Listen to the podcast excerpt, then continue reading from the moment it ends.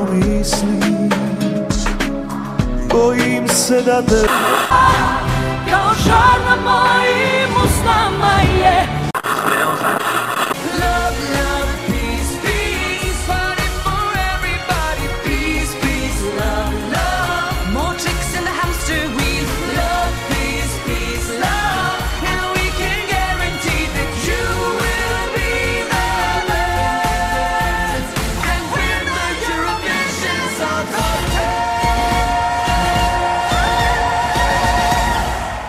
Ćao svima, slušate prvu epizodu druge sezone podcasta Love, Love, Peace, Peace. Ja sam Miljan Ja sam Nenad.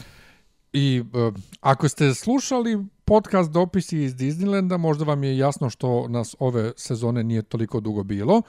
Prošle godine smo počeli već, kako beše nešto, u decembru 2018. Tako nešto? jesam, Tako je, sa decembar. prvim izborima. A sad, evo, se javljamo tek za Beoviziju. E, dakle, ja sam se selio i puno nam se, ži- život nam se desio, tako da će ova sezona e, Eurovizijskog podcasta Love, Love, Peace, Peace biti malo skraćena. Naime, pok- pokrićemo samo Beoviziju od nacionalnih izbora i čim sve zemlje izaberu svoje pesme, uradit ćemo pa naših top 41, ili ove godine 41 zemlja učestvuje beše. Jeste 41. Dakle, top 41 i prenosit ćemo uh, na Facebooku Euroviziju uživo. A još nismo načisto da ćemo da prenosimo polufinala Beovizije uživo na Facebooku. Dogovorit ćemo se još, iako je Beovizija za dva dana. A, Beovizija ponovo se odigrava u RTS-ovom studiju i RTS ovo najavljuje kao deseta jubilarna Beovizija, čak kažu deseti rođendan, iako je prva Beovizija revijalna do duše, bila 2003. Dakle, nije ni izbliza deseti rođendan. Ali to je ono ljudi koji su rođeni 29. februara, pa eto slave rođendan svakih par godina. Šta da očekamo ove godine na Beoviziji?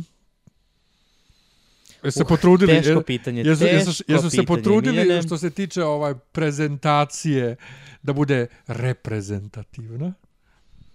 Pa nemam pojma, pravo ti kažem, ali nekako se čini kao uopšteno da je malko bolje nego prošle godine. Dakle, nema baš neka bizarnost A misliš što se tiče pesama? što se tiče pesama. Dobro, ja sam mislio što se tiče voditelja, pošto mi malo pre rekao ovaj, ko su voditelji, pa sam bio ono, aha, okej, okay, da, Jovan Radovnik. Koga briga za voditelj, njih zaboravimo čim se završi takmičenje. Tako da, ovaj, e, sve što se tiče kao Beoviziji i njenog formata, eto, opet imamo dva polufinala, koje počinje sutra je prvo, prek sutra je drugo i u nedelju je finale. Dakle, jedno, drugo i za, jedno za drugim, što malo baš nije okej, okay, ali ajde. Ovaj, Pa nije okej za one koji nastupaju u drugom pa polufinalu. Jeste, odmah sutradan treba da pevaju u Ali dobro, i na, finalu. Evrovi, a i na tako, imaš ono 50 proba i onda ovaj oni koji pevaju u drugom polufinalu, oni odmah na, sutradan nastavljaju sa generalnim probama za finale. Pa dobro, bar imaju taj dan između ovde, sad jedno Pa nemaju. drugim. Ove, Četvrtak uveče imaju polufinale, petak popodne im je već generalna proba za finale. Na Euroviziji. Oni koji su u drugom polufinalu. Tako da, Da, da tako umiru. da eto. Tako, A i ovi naši se, brate, nisu, ne, ne- neće se pretrgnuti od, od, od nastupa. pa dobro, to, to, je- to je sigurno, pošto e, nemaju baš mnogo prostora gde, jel te, da nastupaju. Tako da imamo dva polufinala. U prvom polufinalu imamo 12 pesama, u drugom polufinalu imamo 12 pesama, po 6 pesama i svakog polufinala ide u finale, što znači da imamo 12 pesama u finalu i ove, pa možemo da počnemo polako Možemo počnemo, da ići ćemo polufinale po polufinale. Samo uh, jedan mali komentar, pre svega, uh, ove godine su uh, oni ljudi koji su pisali pesme uglavnom poznatiji nego izvođači. To Ima mnogo nepoznatih Tako da ćemo izvođača. pomenuti malo tekstopiste, aranžere i raznorazne druge ljude. Čisto da Čisto čujete da ču- zašto da. vam je poznata pesma. Jeste. Ali uh, počinjemo sa pesmom Trag koju izvodi grupa Ejo. Pa da čujemo mali isečak.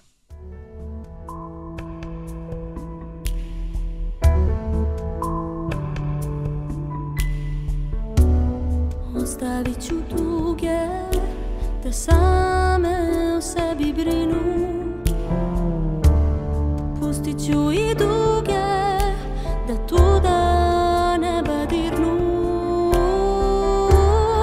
Usidnit ću zvezde da ih za tebe bude više.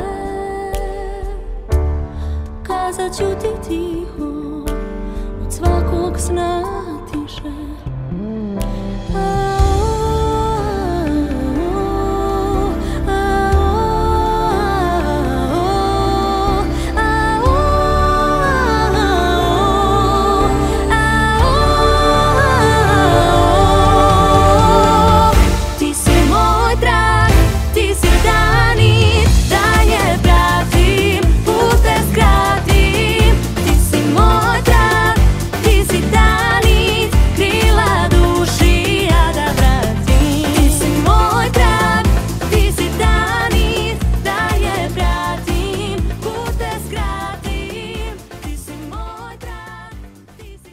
okej.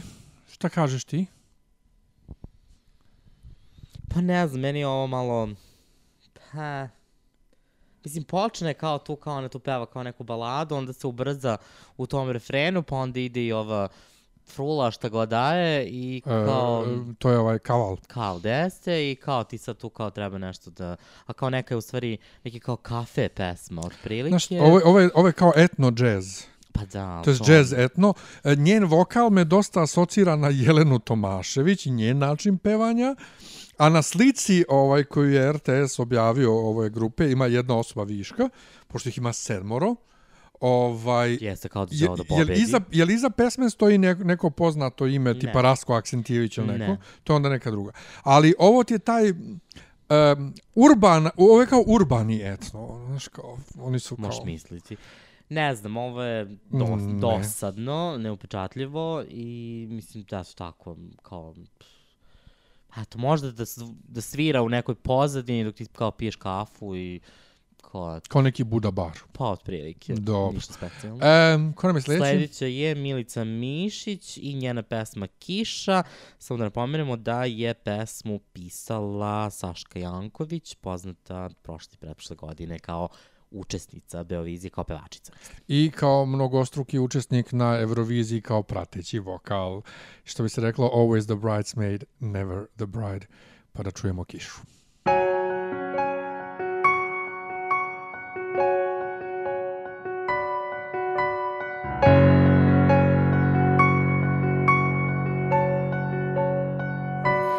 Da je bilo to zaista to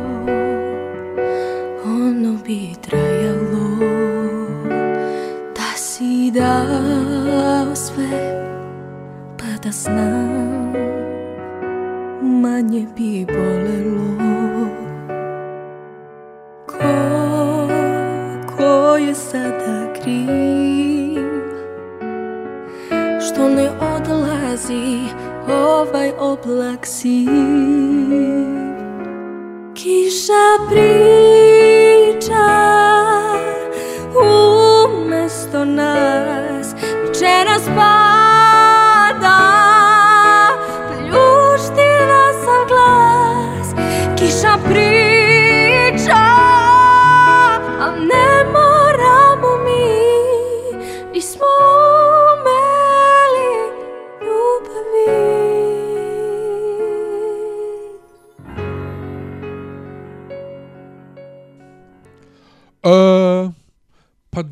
znaš, meni se ovde sviđa melodija, sviđa mi se harmonija koju klavir svira, ali je užasno neobično e, da se pesma sastoji isključivo klavir i glas, što nema nikakve dodatne instrumentacije.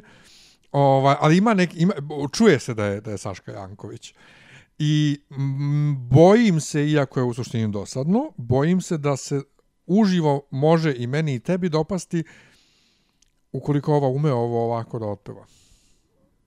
Pa da, slažem se. Zapravo, ova pesma je, pa to je jedna klasična balada, ali ono najklasičnija koja postoji.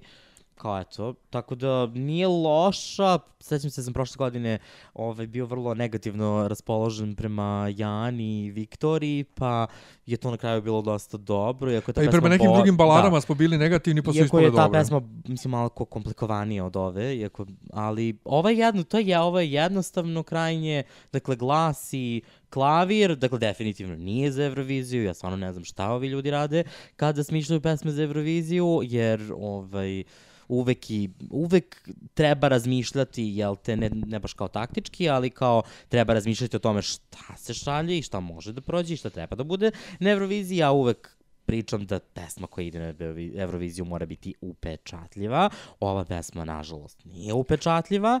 A, lepa je, dakle, ne može čovjek kaže sad kao ružna je, kao grozna je, bljak. Nije, okej je, ali kao što takvih pesama ima ni tone i Mislim, šta, kao klavir i glas i kao to je to. Mislim, ako ova je- dobro peva, onda će biti dobra pesma, ako go pevačica ne peva dobro, neće biti dobra pesma i to je to. Znaš šta je najgore u svemu? Najgore je što e, ovo nije ono e, tekstopisac e, e, ili kako hoćemo songwriter da nazovemo na srpskom koji, eto, samo hoće da se pokaže na Beoviziji i ne zna Evro, za Euroviziju i ne zanima ga Eurovizija, kao što neki tako dolaze. Ne, ovo je neko ko se svim silama trudio prethodne dve godine da sam ode na Euroviziju i ko je bio na Euroviziji, ko zna šta na Euroviziji prolazi i onda napiše ovako neku pesmu i kao ovo je za Euroviziju, pa sestro, jesi ti normalna.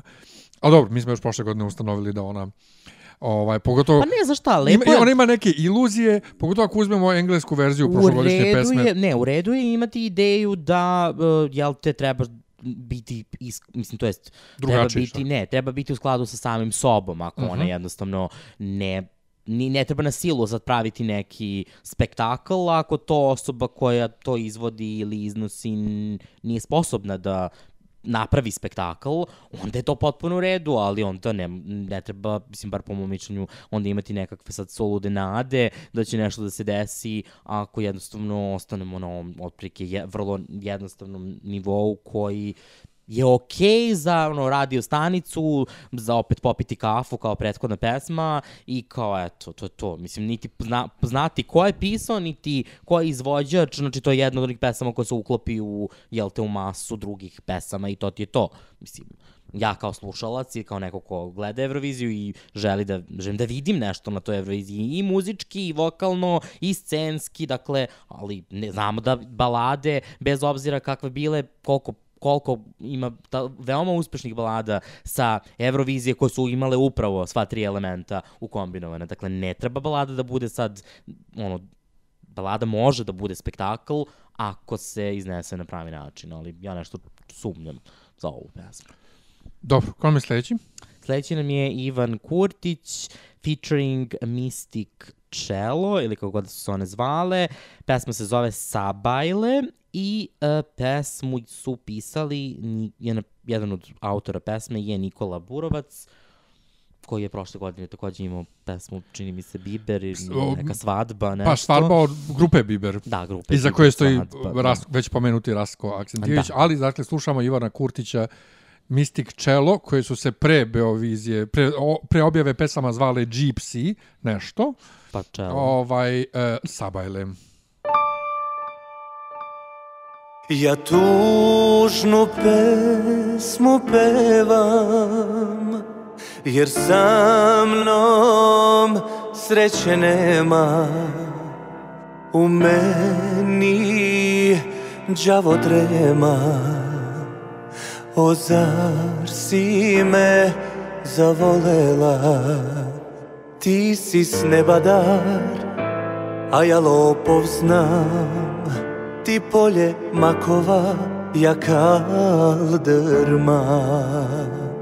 Anđele, mirno spavaj anđele. Odlazim ja od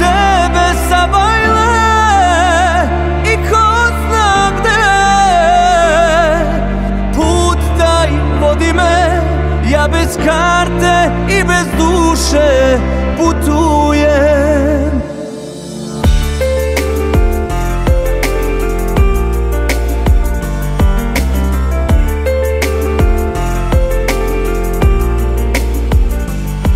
Da Bog da decu rodila pod kapom nebeskom Pa znaš kako, dakle ova pesma je interesantna.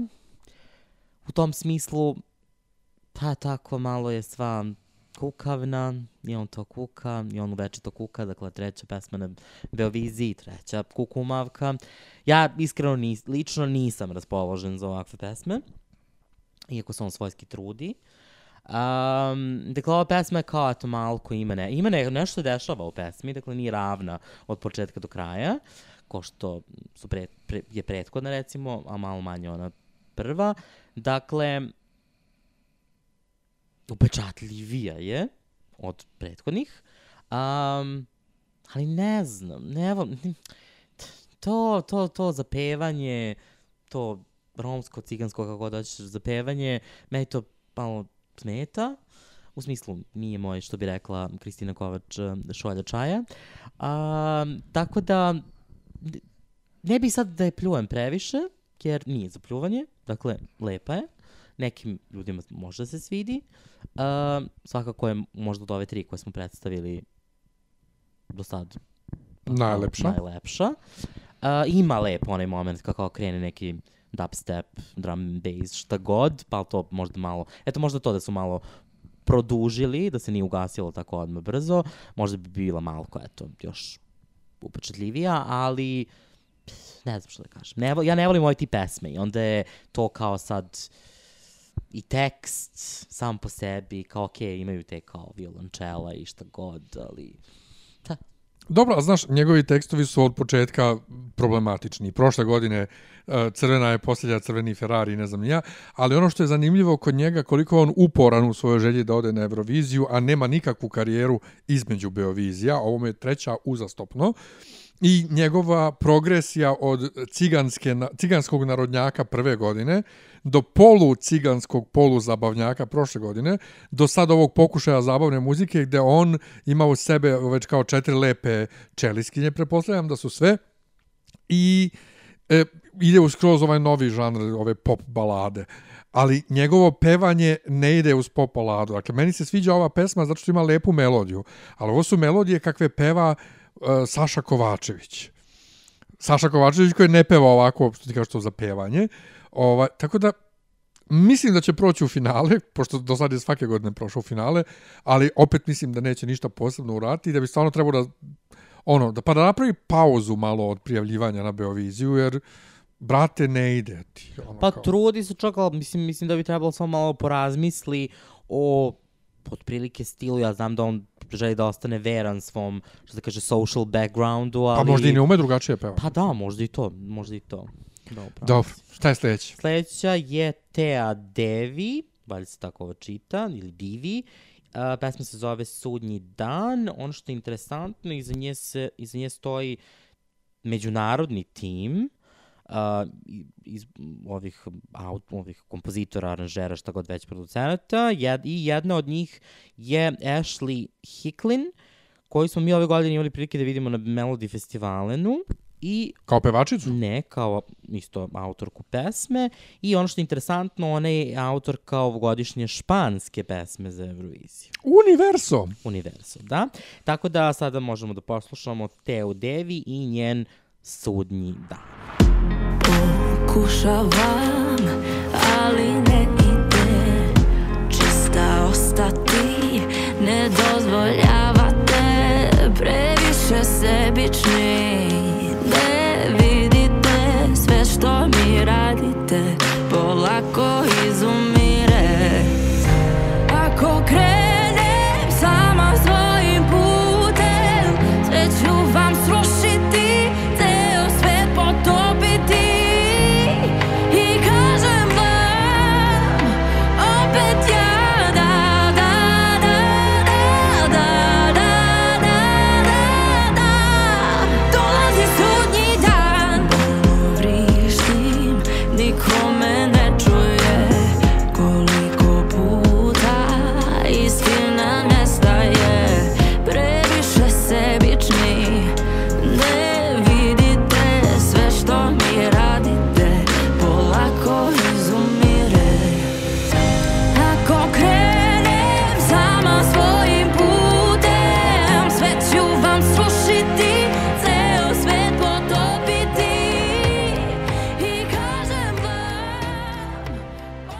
Ja kako ja ne volim ove klinke koje su kao indie rock uh, artist, ovo ono, koja je to nešto peva. Pričemu je ta ženska koju, je, uh, koju su oni izabrali da, da, da piše pesmu. Ja znam da je kod nas popularno kad, kad uzmeš kao za Euroviziju stranog autora koji već uh, se pokazao na Euroviziji, ali uh, malo pre mi reče da je ona pisala i Run with the Lions prošle godine za Litvaniju beše koji se nije, nije dobro nešto prošao. E, jedino od svega što je ona pisala da je bilo i ole uspešno na Euroviziji je Me and My Guitar, Tom, e, Tom nije Riddle, nego Tom Dice, Tom Dice iz Belgije, što je za Belgiju bio tada ono kao najveći uspeh posle ne znam koliko godina, ali ovo je jednostavno dosadno i već vidim gomilu ono hipstera koji će se lože na ovo kao ne znam ja šta ono, kao, a ono žena masovna produkcija ne baš mnogo uspešnih Da, pesama. ja sad baš gledam ono njenu... A Universo je super. O tome ćemo da pričamo kad dođe ovaj... Da, ja baš gledam njenu, njenu sad ovo kao uh, produkciju I sad ona je vrlo aktivna, moram priznati, na evrovizijskoj sceni. Ima tu Evo, radila je pesme za, za, za Melovina koje predstavlja Ukrajinu 2018 radila je to litvansku pesmu, ove godine Španiju. Dakle, čuje se zapravo ta jedna te ista matrica, jer ono je vrlo interesantno da, da ona zaista muzički to koristi kao otprilike, kao većina, jel te, uh, tekst ovih producenata u posljednje vreme, može da se prepozna, jel te, način na koji oni rade. Tako da se i u ovoj pesmi čuje taj neki moderni zvuk. Dakle, ova pesma jeste moderna, možda čak jedna od tako najmodernijih ove što se tiče ovogodišnje Beovizije. Uh, međutim, ova devojka, ne, ova devojka je nepoznata koliko je meni se čini. To jest, nije baš da nešto pratim sad muzičku scenu ovaj, Srbije, ali prvi put čujem za, za A dobro, to, to, to potpuno nije bitno da li je poznata ili nepoznata, nego nema nikakvu, bar u pevanju, jer nismo videli nikakav nastup, nema nikakvu harizmu. Pa ne, to, pa dobro, to dok je ne vidi, zato i kažem, to sam... o tom- Ali mislim, ne isijava joj glas nikakvom Pa sad dobro, harizmom. da, ali možda ona ima svoju neku harizmu a, vizualnu, Da, koju ponovo ne ću samo znamo. podsjetiti na onih par slučajeva prošle godine jer smo se zgrozili slušajući, Jeste, a da. onda na samoj Beoviziji bilo Pa duševljenje da, upravo, nastupom upravo i to. zato ti kažem, u smislu, ne znam šta da očekujem, pesma modern, je moderna, onako jedna uh, contemporary tema, što se kaže. Ali nije za Euroviziju. Nije za Euroviziju, to je tačno, ali eto, vidjet ćemo naš kako će ovo da izgleda kada ona gospođica bude pevala. Tako da, ove, što se toga tiče, moderna pesma, aktuelnog zvuka i, te, i teksta, tako da, eto, vidjet ćemo šta će da uradi. Ove, za sada dosta ovako, eto vidiš, nije polufinale, nije baš toliko loše kao što kad smo prošle godine slušali one, one, one, one, one skandale jedno za drugim.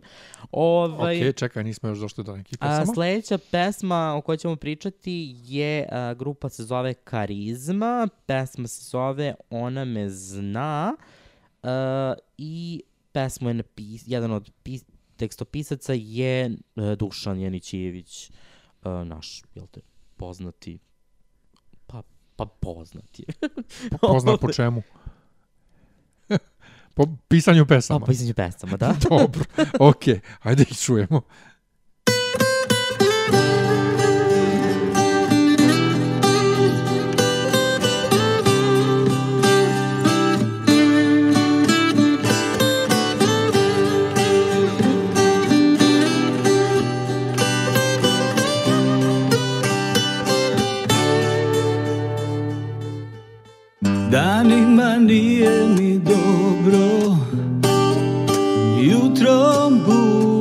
Se sir Ko da sam popio otrov A želim da ostanem živ. Živim od juče Kada sam video Da me jedina poznaješ. Noć kao sinoć Kad si rekla da mi veruješ e, Ona me zna tako dobro Ona me zna najbolje Ona me zna tako dobro Ona me zna Pa ne znam, ova pesma i njeno, eto tako, mislim, joj bože, ja stvarno ne znam šta da, da kažem tako kad, kad čujem neki zvuk koji je ono kao, mislim, može da samo da izazove neku kao nostalgiju na neko vreme koje niko, mislim, Koji nikad nije koje postojalo. nikad nije postojalo, sa tom kao eto gitaricom i to kao sa tu oni nešto pevaju i matori su i eto, tr mislim, trude se i kao eto, treba im jel to odati poštovanje što su odlu- odlučili uopšte da se takmiče sa ovakvom pesmom, um, koja je to tako ni po čemu interesantna, mislim da čak ono kao, ovo ja ne znam da li je iko ikad slušao, aktivno kao neki, jel te, žanr, ovo je kao šta neki, neke ono, deve, prane 90. u nekom, Ovo, ovo, je, ovo je potpuno van vremena, znači ovo ne postoji. Pa Ja- postojalo je bilo popularno, znaš ono im bilo tih nekih garažnih bendića koji su tako nešto kao svirali i tripovali se da mogu da sviraju. Ovo je za letnju baštu nekog restorana. Pa, Ali znaš, da. ali sve vreme razmišljam od kako sam čuo prvi put pesmu, odakle znam ovaj konkretan zvuk, odakle ovo, ova gitara i ovo. I sad sam upravo skonto, to je zapravo uvod, uh, uvod, uvodni, uh, kako se sad objasnim, uvodna atmosfera pesme Shallow Lady Gaga i i Bradleya Coopera, samo što se Shallow razvije dalje i nešto, ovo ostane na tom uvodu sve vreme, to laganini sviranje i pevušenje i ovo je jedna od tih pojava kad dođu na Beoviziju, eto jer znaju da neće pobediti, nema šanse i ne žele u suštini da idu na Euroviziju, sasvim jasno da ih Eurovizija ne zanima, inače ne bi došli sa ovakvom pesmom, nego eto da se pojave. Ali da je Beovizija neka odskočna daska da se nešto dalje uradi, da negde dalje opstaneš na nekoj muzičkoj sceni, pa hajde. Nego jednostavno traćiš i svoje vreme i vreme gledalaca Pa i mislim, s- oko čemu? koliko je bilo tih pojava raznoraznih koje su bile čak i upečatljivije od na Beoviziji pa se posle toga ni, ništa nije desilo u suštini. Ono kao ako imaju neki angažman u nekom klubu, to je vrhunac ono otprilike karijere. Tako da mi to stvarno, opet vraćam se, nije mi baš najjasnije kad, eto, kao kako tebi sad pade na pamet, ne znam, šest meseci pre ovoga, kao imaš neku pesmu i sad kao hoćeš njome da odeš na kao Beoviziju, koje, se, koje je takmičenje za Euroviziju, kako, kako, kako ti padne na pamet da s ovom pesmom odeš? Mislim, ne, Ne, znam. kako ti padne na pamet da se ne, sa ovakvom isto- pesmom uopšte takmičiš Tačno, bilo ali gde? isto to kao ko gleda, mislim, svi znamo koliko ljudi gleda Beoviziju i ko gleda Beoviziju, zašto ljudi gledaju Beoviziju. Mislim, neće da te vidi neki ono kao vlasnik eh, splava ili šta već, kao neke bašte pa da te pusti da tamo sviraš. Mislim, ne znam, ja stvarno ne razumem. To je, Ni ja, to ni je nešto što meni tu nije baš najjasnije, ali ajde. Ajmo dalje. A, sledeća pesma je Andrija Jo, a, Oči meduze i ovo je pesma koja iz- iza sebe ima a, dakle ozbiljan tim um, producenata. Jedan od njih je uh, Jimmy ili Jimmy Jansson koji je već poslednjih 15 godina uh, veoma aktivan na Melodi Festivalenu, dakle švedskom izboru za uh, pesmu Eurovizije i um, na tom takmičenju Jimmy ove godine čak ima šest pesama, od kojih ja mislim su se četiri već plasirale u finale. Um, dakle, veoma ovako popularan i tražen uh, pisac sa vrlo modernim pesmama i eto, poslušat ćemo ovu pa ćemo komentarisati kasnije.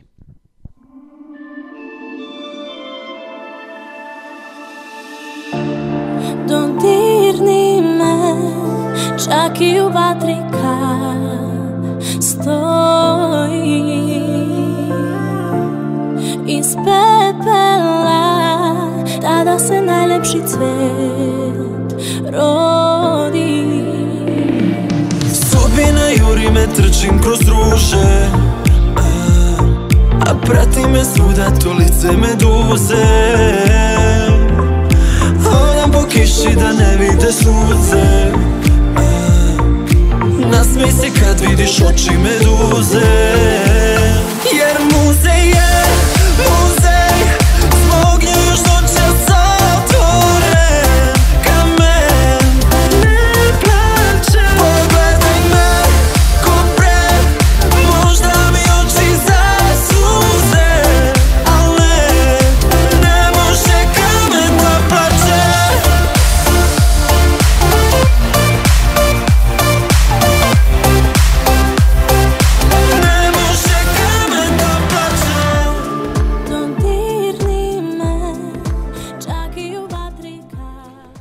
Pre što išta kažemo pesmi, moram samo da uh, istaknem koliko me nervira opet pristup naših medija i svega, svemu bukvalno, da se sve vreme kada se piše i priča o Andriji govori youtuber, youtuber, youtuber, youtuber, pa ga u intervjuima pišu, eto kako ti sad kao youtuber pa se takmičiš, kao, aman, to što je neko youtuber, Justin Bieber je bio youtuber, Pa je sad jedna od najvećih zvezda na svetu. Znači, to potpuno nije bitno da si ti youtuber, ni- niko od ovih ljudi nije uh, završio školu da bude pop pevač. To ne postoji. Dakle, potenciranje toga je strašno. Ovo je, što se mene tiče, definitivno najbolje producirana pesma ove godine i najmodernije i vidi se taj švedski uticaj. E, ono što mi malčice samo smeta je e, u refrenu koliko se čuje rip-off e, Kaigo, da li je to DJ ili je to projekat neki, ali svi znamo šta je Kaigo, K-Y-G-O, a mimo toga e, ne bi se očekivalo da on može ovako da otpeva, ali ja mislim da on može, a da će ova devojka koja peva s njim, Isidora nešto mislim da se zove, da će njoj malo da podrhtava glas, što će onda da pokvari utisak, ali zavisno od nastupa, kakav bude imao, ovo može da bude jako, jako dobro i ako on pobedi, možemo da imamo napokon jednu stvarno modernu pesmu na, na, na Euroviziji po onom švedskom modelu koji koliko god da mnogi fanovi Eurovizije ne vole taj toliki švedski uticaj na Euroviziji, jebi ga, on je prisutan i šveđani znaju kako se prave eurovizijske pesme, to je jednostavno tako. Pa mislim u poslednjih 10 godina kad pogledate bilo koji izbor bilo gde u Evropi vezan za pesmu Eurovizije vidjet ćete da bar ima po dvo, dva, tri uh, producen, ovih uh, producenata, tekstopisaca ili aranžera ili šta god već koji dolaze iz Švedske. Dakle, to je već u poslednjih 10 godina trend. Uh, Švedska je u poslednjih 10 godina definitivno najuspešnija zemlja na Euroviziji. Ova pesma jeste moderna, tu si u pravu, međutim, ja se plašim da ova pesma nije dovoljno upečatljiva. Dakle, pesma, tekst je meni onako malo, blago rečeno, bez veze. Ali dobro, tekstovi su Pa uglavnom dobro, bez jesu, veze. ajmo kao nešto, bar, ako već, mislim, ovo je nekako kao neka, ono, nabrajalica, on tu tad kao nešto peva, pola ga ne razumeš, I pola stenje. Pola, pola stenje, mislim, nije, otko znam, lepa je, mislim, okej je, moderna je, e, švedska je, ja sam uvek za švedski pop, ali ovo je Srbija, i ja ipak mislim da mi treba da razmišljamo malo drugačije, bez obzira na to što, jel te, e, je Švedska takva kakva je i popularna i bitovi su im, mislim, ali u suštini Švedska ima tri, ma, tri matrice koje se vrte kroz sve, jel te, pesme, ali, ove, pa, mislim, tako je. Ko pra, ja pratim Melody Festival već 15 godina, to je zapravo tri pesme koje idu ovaj, u raznim variacijama, sa raznim tekstovima i pevačima, ali u suštini to jedno te isto i to je meni ono što mene počinje malo i da nervira na Euroviziji, jer makoliko pesme bile moderne, to manje više zvuči isto, samo kao eto, ovo je Litvanija, ovo je, ne znam, Španija, ono je šta god, Azerbejdžan. Azerbejdžana, u stvari je to zapravo jedna te ista pesma. A, tako da to je ono, ma, mislim, ja želimo malo upečatljiv, malo života u pesmi. Ova pesma nema život. To je ono što je, ona je slatka, ona ima taj beat od početka do kraja i to je lepo, tekst je glup, ali mi deluje kao da je peva robot. Mislim, znaš, ja sam... vo- U, Tijana 2017. je na a? 2017. Tako da ja nisam za to da mi šaljemo nešto što je kao trenutno aktuelno u tom smislu što to ne odražava jel te duh neki koji treba svaka zemlja da jel te nosi sa sobom. Tako da ja mo, ovo, ne bih voleo da vidim ovo kao pobednika. Ja, Ali, ne bi, ali čekaj, ali, ali bilo bi ti manje krivo da on po, pobedi nego, ne znam, neke druge pesme koje još nismo čuli. Pa, znaš šta, ne, ne bih ja voleo ovo da pobedi. Iz prostog razloga što je previše veštačko. Pa dobro što ti ne bi volao, ali manje bi ti bilo krivo da on pobedi nego, ne znam, Balkubano ili ovaj Marković ili ko već, kad Pa, dođemo do njih. kako, ja ovde možda imam dve pesme, tri pesme koje mi se sviđaju, od kojih bi jednu volao da pobedim, sve drugo je fijasko. Baš Tako da, fijasko. baš fijasko. Uključujući njega. Pa, nisam, svi smo polagali mnogo nade, sećaš se i sam kolika je bila fama 2017. oko Tijane i oko njene pesme i ona, ma koliko je ona to dobro otpevala, na kraju smo mi, zaista se nismo plasirali u finale i svi komentari eh, na tu pesmu su bili da nema ni, da je jednostavno beživotna. Da, ali, ali ta pesma je bila dosadna. Ova ima lepu Ta melodiju. Me, da, ali ta melodija... I ova je pamtljivija, ja, ja ovu pevušim. Jeste, ali je melodija uh, nekako previše... Pa previše je kajgo, kažem ti. A moram samo da kažem jednu stvar pre nego što pređemo dalje, kad smo već kod Melodije festivalena, apropo uh, toga kako se kod nas sve tretira, um, na Melodiji festivalenu šveđani sve rade do perfekcije i njihovi pevači, dakle Mons i, i drugi koji vode ovaj Melodiji festivalen ili Euroviziju posle, on dođe na binu i on je čovjek voditelj i on priča bez zastajkivanja, bez zamuckivanja, bez glupih fora za razliku od naših glumaca, evo sad ćemo imati ove godine vjerojatno nekog, koji će biti u fazonu, eto, ja sam sada u ulozi voditelja, što je vrlo neobično za mene, i zapravo sve vrijeme umjesto da vodi, on priča o tome kako je eto sada u toj Bože, dragi, neobičnoj ulozi voditelja. Zato i ovo me je iznerviralo u tom kontekstu to, jao, youtuber koji je snimio pesmu, pa šta je? dobro, čuli smo ono? neki onaj snimak njega na nekom festivalu letnjem gde peva, mislim čovek pev, Pa, momak, čovek ume, ume On je da izbacio peva. nekoliko pesama i ume da peva. u tom smislu, da. to što je to on, on iskoristio YouTube kao platformu da plasira svoj, jel te, svoju karijeru, Ju, znači, ipak treba razgraničiti kad je neko pevač na YouTube-u, a kad je neko zaista osoba koja nema zanimanje, već Ne, ne, ali on- on izbacuje snima- klipove razne. Oni, oni isto izbacuje klipove. Pa dobro, ali on i, pe, i ali peva usput čovjek snima pesme, mislim, pa šta? Nego, ko je sljedeći? Evo, pošto sledeća je Sanja uh, Bogosavljević, pesma se zove Ne puštam i ovu pesmu je pisala između ostalog i Kristina Kovač.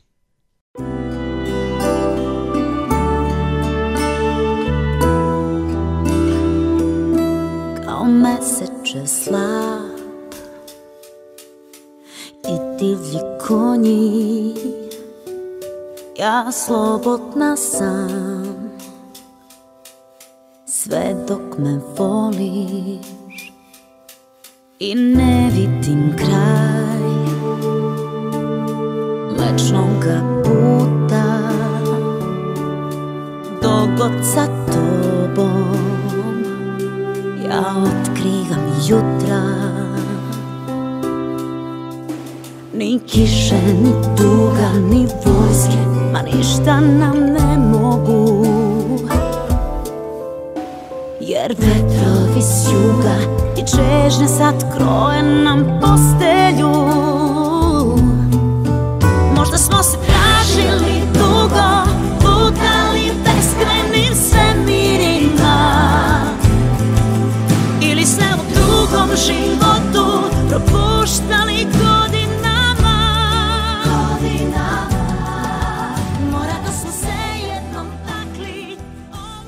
Pa, očigledno Kristina Kovač kad uzme da napiše pesmu, ona mora da onako unazadi žene najstrašnije, jer ona, sećamo se svi 2011. i one nesrećne pesme, gde je to ona peva o tome kako ne može bez muškarca svoga i samo sa muškarcem je kompletna. Evo sad imamo nastavak. Um, dakle, ova pesma je je opet balada koju sad peva žena koja je bila u Beauty Queens grupi i pre toga je bila u Bla Bla bendu. Dakle, i ona u prethodne dve svoje varijante na muzičkoj sceni nije pevala ovakve pesme, već je pevala nešto inter... Taj Bla Bla band, koliko god so bilo kratko, trajno, uh, imali ta pesmica je bila Bilo je mnogo upečatljivije nego ovo. Beauty Queen su bile upečatljive same po sebi. Ja ne znam šta je ovo, zašto, zašto, zašto neko pristane da peva kao ovakvu pesmu, mislim, u 2020. Da. Kao Ne. ovo je možda 2007. bilo prevaziđeno samo po sebi, da. a u 2020. stvarno ja ne, ne želim da vidim ovakvu pesmu, mislim, na sceni. Ok, ona je i lepa i ona lepo peva i sve to super i kao ta, taj te, mislim, ne znam. Ja, Znaš šta ja ne mene, mene, šta mene lično ne zanima, ja mislim da Sanju nemam na Facebooku, a voleo bih da je pitam zašto si se ti prijavila sa ovom pesmom na Beoviziju. Dakle, pevala si u Bla Bla bendu na Beoviziji 2007. Pevala si na Euroviziji 2007. pobedile ste, ostale ste kao grupa, pobedile ste u Ohridu Beše, takmičili ste se na još raznim festivalima sa super pesmama, bili ste ponovo na Beoviziji par puta kao favoriti i posle svega toga ti dolaziš na Beoviziju sa ovako dosadnom pesmom. Zašto, Sanja? Znači, šta ti očekuješ da će tebi ova pesma doprineti u karijeri? U karijeri. Pa upravo, Mislim- ali št, zašto se onda prijavljuješ sa ovakvom pesmom? Š- Šta je tebi? A apropo unazađivanje žena, ako je Let It Go iz Frozen, ovaj, ono kao eh, f- a, m, feministička pesma, ovo je antifeministička sa ne puštam. Ne kao I don't Let It Go. Ali stvarno, volio bi da mi Sanja kaže zašto se ona prija, zašto ona pristala da sa, ovako, sa ovakvom pesmom nastupa. Ne, to je ja sam uvek fasciniran. Ja čak više, ne, znaš ono, kad čuješ sad neku pesmu sa, sa nekim ono kao i tekstom i, i kao, ti se zapitam kako ta, ta osoba, apropo ne znam, Emine Janković 2010. Kako ti, kako ti, znači, pristaneš da pevaš nešto što je ono kao, kako, to, to nema smisla. Mislim, ono Da. kako, to, tako da, ja, ja I kako uopšte zapamtiš ovako dosadnu melodiju da otpevaš? Pa dobra, aj sad kao. Pa ne. ona žena dosadna, šta sad?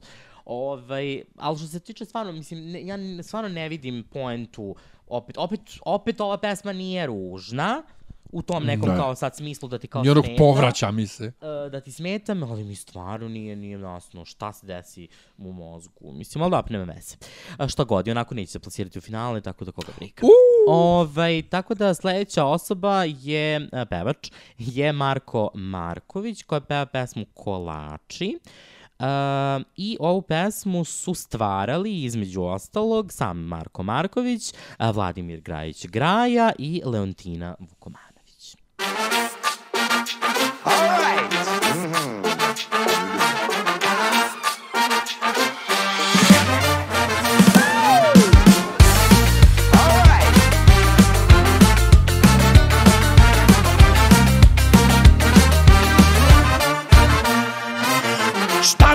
Parče neba muzika da svira svakog dana?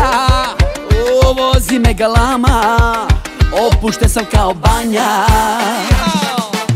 bum bum bum Aj jao kad te vidi meni upali se alarm Ne treba mi drama. Bumerang i panorama Ritam, ritam pomera Sukicu sa tvoga tela Koga briga moj devla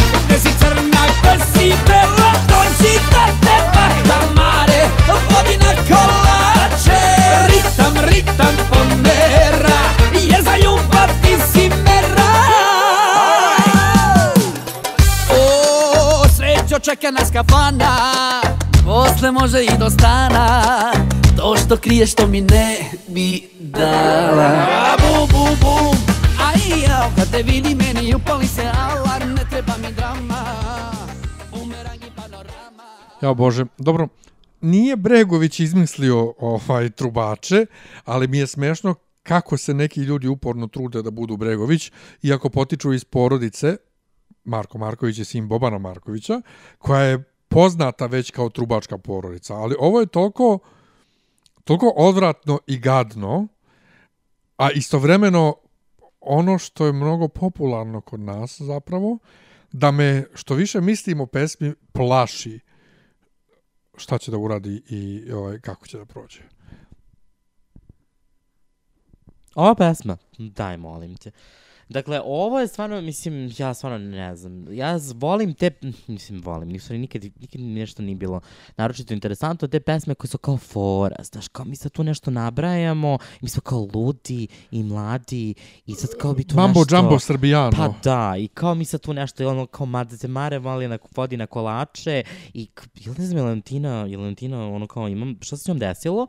Ovaj, mislim, ovo je ta pe, ta, to je taj tip pesme, kao to je fora, znaš. Mi smo ono kao, toliko nas je bolilo uvo za Beoviziju da smo mi napravili jednu pesmu koja je tako, treba da bude zapravo vesela i da kao mi sad svi skačemo, ali da izgleda kao da se mi nismo uopšte potrudili i nas baš ne zanima uopšte kako će to sve da izgleda i onda smo smislili neki, neku poskočicu tekst, kao koji sad kao tu, znaš, kao vozi me i puš, znači ja, ja ne znam, opet, opet se pitam šta ljudima prolazi kroz glavu kada prave ove pesme, ali E, dobro. mene podsjeća malo u refrenu e, melodijski, harmonski na Luka Nižetić se beše zove, jel? Jeste. Brutalero na Dori prošle godine, koji je dalje miljama ispred ovoga. Ne znam, ova pesma je kao, eto, to treba bude luda i kao to mi sad treba padamo Veseli je trubači, kao, ono, su a. trubači i kao mi sad tu super, mislim, ja ne znam, ono, kao, ne, ne znam, ne razumem, stvarno ne razumem, znači, niti je, kao, šta god je Bregović napravio, nažalost, ovaj, a da ima veze sa, kao, e- Eurovizijom je na kraju završilo rel, ono, relativno neuspešno, mislim, setimo se samo nesrećnog. Što sad Bregović je Eurovizija. Pa mislim, e, to, taj kao stil tih A taj stil, truba da. i kao to sad sve mi smo kao ludi, bum bum i tras tras i kolači i... I, i ono, iz, znači, između... Ne, jeste, te, pa to, kao te neke, ono, ti neki zvukovi koji ono kao ne znam ko proizvodi kada i u kojim situacijama, ali ovaj tako da ova pesma je stvarno ono razočaravajuća, ono kao nekad si kad vidiš Lantinino ime kao znaš da bar tekst valja. Hello, a u- lane moje. Kao to ti pričam kao bar tekst To valja. je žena koja je pisala Lane drugo, moje. Pa bi, ne samo Lane moje, nego To je žena gomilu, koja je pisala kad, kad, gomilu, e, u- kad prave ljubavi ginu. Jeste, gomilu divnih pesama i stvarno, ono, i kao sad napiše onda ovo, kao prošle godine, ono, kako se ono zvalo, što je Valentina prisala, ono, što je, im- što je imalo ono kao dve strofe koje su se ponavljale. Joj, ono, eo, eo, e, Da, ja, da. nešto, Gde to od ja. teksta ono kao bilo ne dve strofe, nego dva, dva Dve reda. reči. Ono, dva reda, tako da ne znam, žao mi je, ali ne, mislim, ne, ni ne mislim da će ovo da uradi išta, iz po, prostog razloga što opet, eh, kad malo bolje razmislimo, možda mu možda se dopadne kao žiriju, nekom koji to kao ovo vidi kao neki nešto, neku avangardu, šta već. Da. Ovaj, ali eto, ja mislim, da mislim da... Mada da- jebo žiri kojem je ovo avangarda. Pa, mislim, pa dobro, pogledaj prethodne pesme, pa. Da. A, dakle, sledeći izvođač je Srđan Lazić a, i pesma se zove Duša i telo. Kao vatra i voda, crno i belo, svetlost i tama, pola i cela kao tromi lek, tuga i smeh, sve smo mi. Nas dele dve svetlosne godine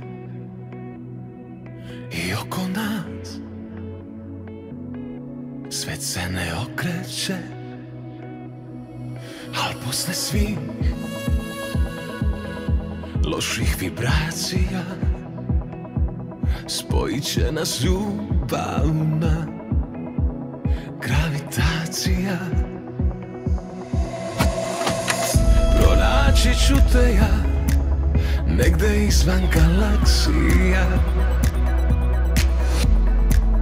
gde god da si to skriveno mesto duša sta. Kao vatra i voda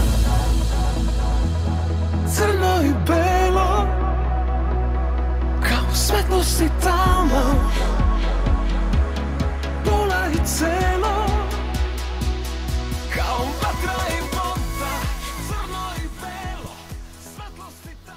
Pa znaš šta, ovo, oj, pa kao to zvuči nešto kao moderno, kao ta muzika nešto, te neke tu variacije, to se kao sve što, svašta se nešto tu dešava. Efekti. Efekti, da, počeo je lepo sa ono, ono autotune kao neki, šta je? Nije autotune, da nego nasnim, na, nasnimljeno 5-6 glasova i onda u nekom vokoderu nečemu. Da, to, tako, sve, svašta tu ima nešto, ne mogu da kažem da je kao, tako. Pev, način pevanja mi je otprilike Sergej Četković. Pošto E, mi jes, oči- ali očigledno- Sergej Četković koji peva, sad sam se setio komentara, ovo je Sergej Četković koji peva pesmu Tijane Dapčević sa Eurovizije. Jesa na LSD-u. A, To, na ovaj, LSD-u, da, to. Na LSD-u. Tako da, ovo je kao sve to okej. Okay. Ja nemam stvarno ništa Ali taj protiv. šaputavi način pevanja. Pa da, ali kao malo ubrzo, ubrzo se malo Sergej Četković i pretvorio se u Srđana Lazića i... Ovaj, Mislim, usput njega je bar lepo gledati. Bar na ovoj slici, sad ne znam kakav je kad se kreće. m, Pa ne znam, ne znam, stvarno. Znaš da to ume da pokvari utisak? Kao Pa, neko je na, na slici lep, a onda počne da se kreće i kao, e, ne. Tako da, ovo je kao sve to, sve to okej, okay, sve to simpatično, super, bla, ali mislim, Pa da bude, je, pa da, ovo je bukvalno da bude jedna u nizu pesama na playlisti u klubu. pa Funky. kom klub? Pa za ljude koji su rođeni 72. 3. 4. 5. Ono kao funky, funky, funky, malo funky. Ma šta je ovde funky, majke? ti? Pa ritam. Uf. I kao, eto. Pa da, mislim, eto, kao, aj, kao, aj, možeš prođeš, mislim, kao, nisi baš toliko grozan, ali aj, kao, možeš Ali, prođeš. da, da. E, sad, Dalje. Sledeća je Neda ukraden. A, pesma se zove Bomba. I eto, da čujemo Nedu.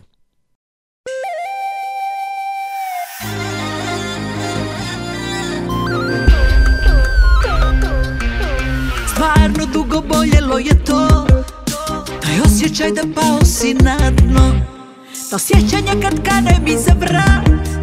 I podsjeti me ipak da si kad Ja krivila bih sebe, ali znam Da nisam tebe prevarila ja. Oprosti dušo jer si saznao Da znala sam kad god si lagao. Uflekana košulja na vratu. Dolaziš o pola pet na satu. Zar misliš da sam najgluplja u gradu? Ma nema, nema šanse. Noćas pući će ko bomba. Vijezda nisam tvoja. Naša ljubav ostaje bez ulice i broja. Izgleda ko bomba Neka nova mala Izašla sam prva ali ostajem do kraja Pući će ko bomba Vijezda ja sam sama. Nepristojne ponude ja podneću ko dama Redovno je stanje Samo ruke k sebi. Čini se da nisam bila dobra samo tebi.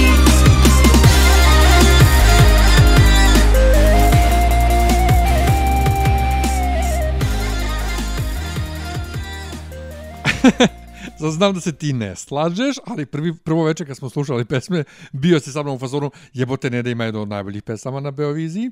Ono što je zanimljivo kod ove pesme, e, prvo Neda je najveće ime ove, ove godine na Beoviziji, definitivno. Uh, ono što je zanimljivo, za razliku od mnogih svojih prethodnika velikih imena ex-ju scene, recimo Dino Merlin ili Regina ili Vana ili ko, ko još je bio od poznatih, pa Toni Cetinski je bio kad još nije bio poznat.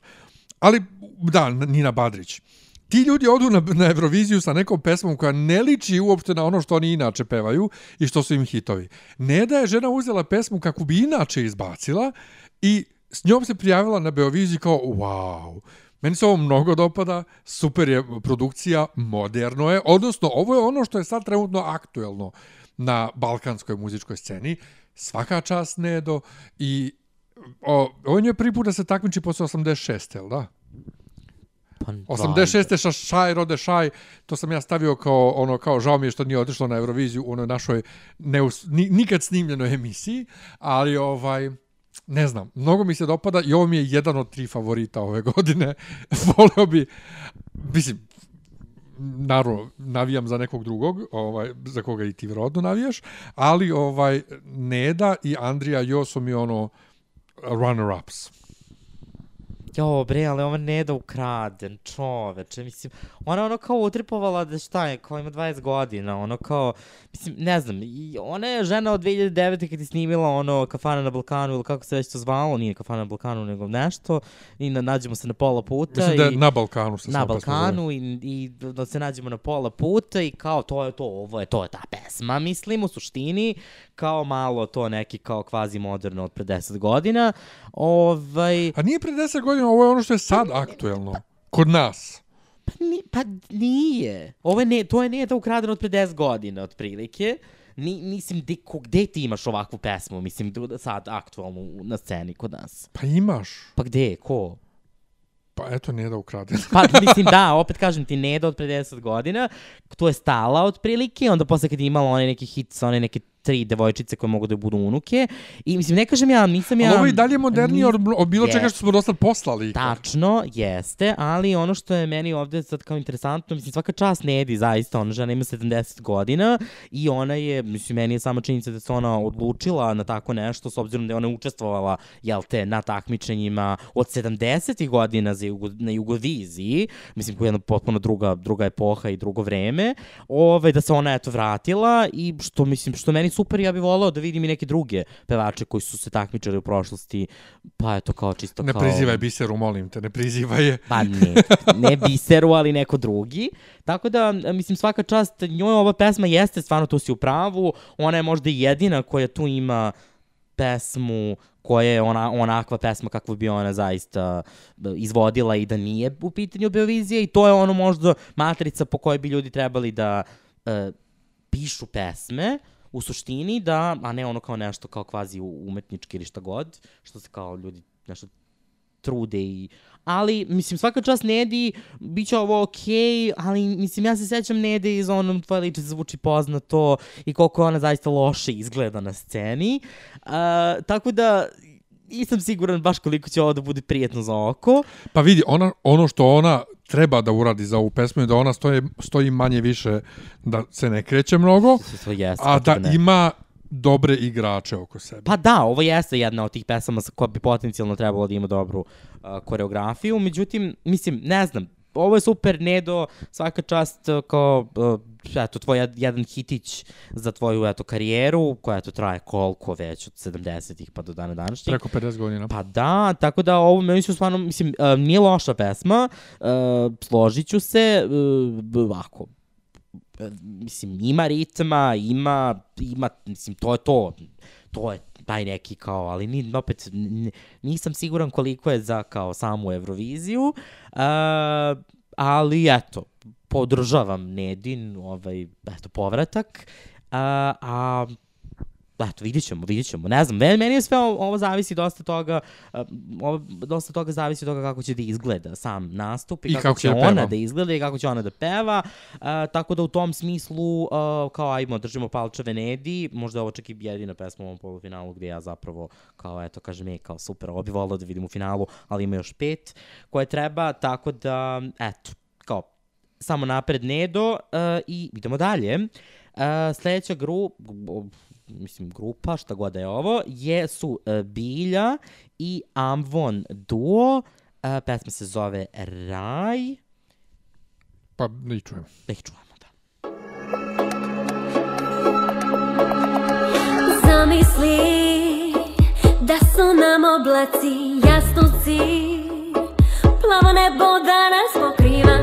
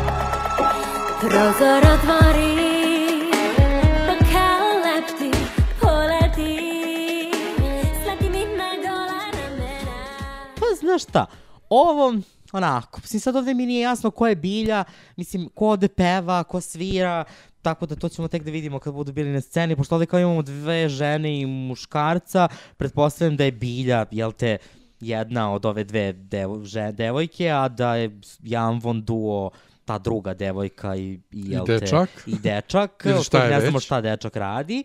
A, možda svira violinu, Da. pošto čujemo razne neke instrumente ovde. A, meni ovo je simpatično. E, su ovo isti amboni od prošle Jeste, godine? od prošle godine što su pevale majka i čerka. Pretpostavljam da je ova plava, ova plava mlađa. Uh, A da, su- a da su sad brat i sestra? brat i sestra, recimo, pošto kao pesma je Opet, pisala- opet ja nebulozna pojava na Beoviziji. Porodica iz, iz Švedske, Iz Švedske, da, koji, koji se, u koji hoće da se takmiče. Zašto? Pa ne znam zašto, meni je ovo, meni je ovo simpatično. Ne mogu kažem da sam sad kao nešto preoduševljen, ali kao eto, ima neke dinamike u pesmi, ja volim violinu, više nego klavir i kao tu ima kao neki šta god i kao to zvuči simpatično, tekst je malo nebulozan, ali ajde. Uh, on ko nije toliko nebulozan i ko, eto, simpatično, pesmica tako slušam, eto, dok idem na posao ili, da, eto, tako nešto. Ti bi ovo stvarno pustio u slušalicu da piješ na To, poslu? što ne, mislim, ovo mi simpatično. Ja bi ovo preskočio. Nije ovo nešto što, što bih Pa mislim, dobrovoljno hteo da izvini slušam. u poređenju sa ostalim pesmama. Mislim, moramo da skupimo šest pesama, ali tako, koje treba pošljemo u, u finale. A, ko, ja i ti ne moramo da skupimo ništa. Ne moramo, ali kao, eto, treba, tako da bi, eto, ovo ja Što se mene tiče, iz ovog polufinala, koliko nam je ostalo u ovom polufinalu? Još jedna pesma. Uh, iz ovog pol, polufinala za sad želim da pošaljem dalje uh, Andriju i Nedu. Pa to ti pričam, ali ima još četiri. Pa, briga me, kogod da ode, sve jedno mi je. Tako da u tom smislu, eto, ja bih volao ovo da kao prođe, da su oni kao tu nešto, mislim, zavisi šta ovo, kako ovo zvuči uživo, mislim, kao, mislim, on definitivno neće svirati uživo jer kao to je na matrici, ali aj kao da vidimo šta će da bude, ali kao simpatično, u poređenju sa, mislim, bilo kojom drugom pesmom. Mislim, Dobro. E? I uh, poslednja pesma u ovom polufinalu je Igor Simić. Uh, pesma se zove Ples za rastanak, a autor, jedan od autora pesama je popularni pobednik um, X Faktora, jedinog X Faktora, jedine sezone X Faktora u Srbiji, uh, Daniel Kajmakovski. Kako dve? Ko je pobedio u drugoj? Pa ne znam ko je pobedio drugo, ali čekaj, zar nije jedne godine bio u žiriju uh, ova Kristina i Emina, a pros, po, posle toga je bio, umesto Kiki je bio Masimo Savić je bio u žiriju. Stvarno? Pa da, i bila je Aleksandra Kovač pa umesto, ko je umesto pobedio Kristine. onda? A, ne znam ko je pobedio, niti bitno, ali nije jedina sezona. Ajde da slušamo pesmu proveriti. Prokleto sam u gradu duhova Još čekam da me podigneš sa dna. Ako nije kraj Zašto se tako osjećam Izgorela je posljednja Nada da si moja. Ti davala si ljubav svaki dan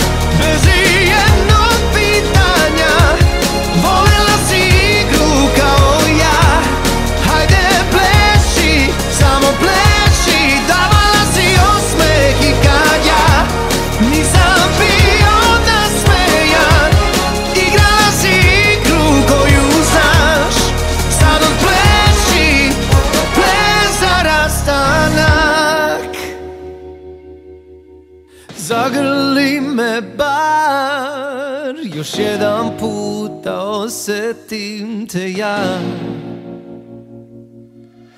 Na rame spusti obraz kao nekada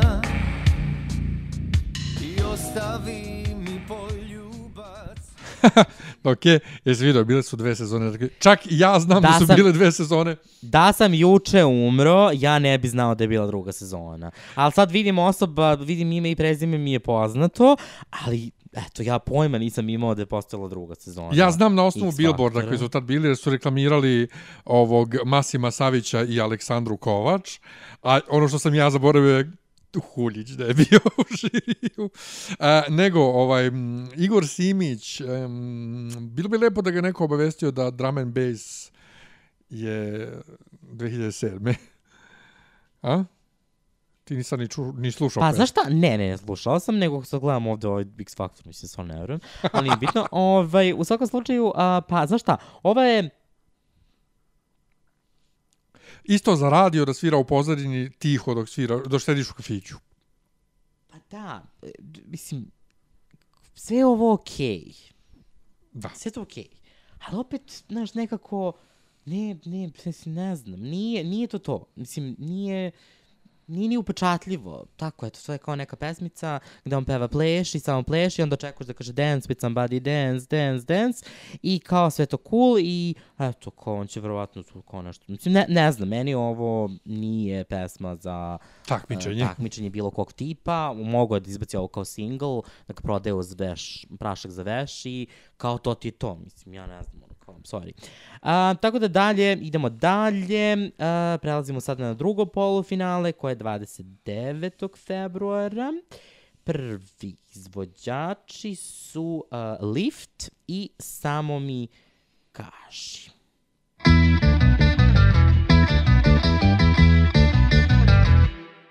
Ona misli da me zna, prvi put me je videla O reci zašto, zašto glumiš da si opasna? Celu noć na žurci samo mene je gledala. I ne znam zašto, zašto tako mi se svidela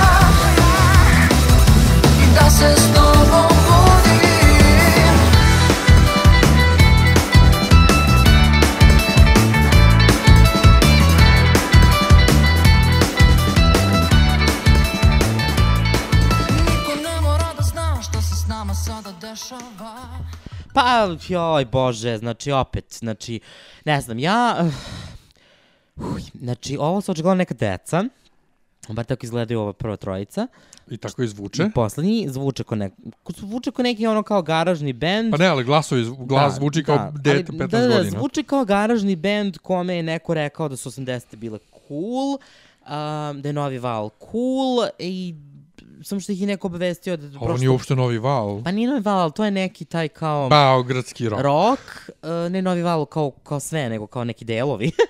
ovaj, de, k- kao, I sad kao oni tu nešto sviraju i kao, mislim, šta tripuju, da su ne znam ja šta, električni orgazam, ne računam. E, Ne znaš šta će ovde mnogi, i- mnogi ovih kao rockera će da se tripuju kao Ko jao, gleda od rockera Beoviziju, molim E, svi gledaju. Svi gledaju i svi pljuju, ali će da se tripuju u fazonu jao, ovo je, ovo je mlada, mladost, ovo je nada, ovo je, jao, vidi, fuj, ove tri drolje, kakve su, vidite, ovu decu treba da šaljemo ono, a pritom ova deca su uh, zvučno, kao da su Đorđe David, Čipi, Van Gogh i pa ne znam koji još bend da dobram, ono kao napravili de, dete.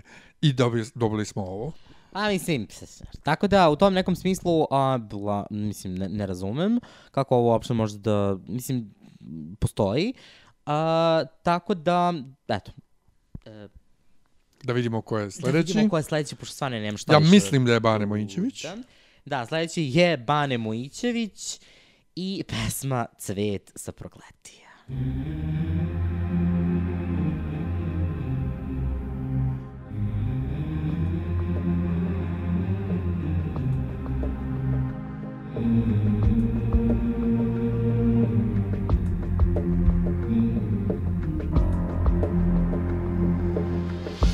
Ne bi ja toliko žalio Da te nisam suzom zalio. Ne bi ovaj sutom voleo Da te nisam voleo. Ne bi ti drugom procvala. Ne bi da nisi morala. Nisi ti za njega rođena Nego za me voljena. Nisi ti za njega rođena Nego za me voljena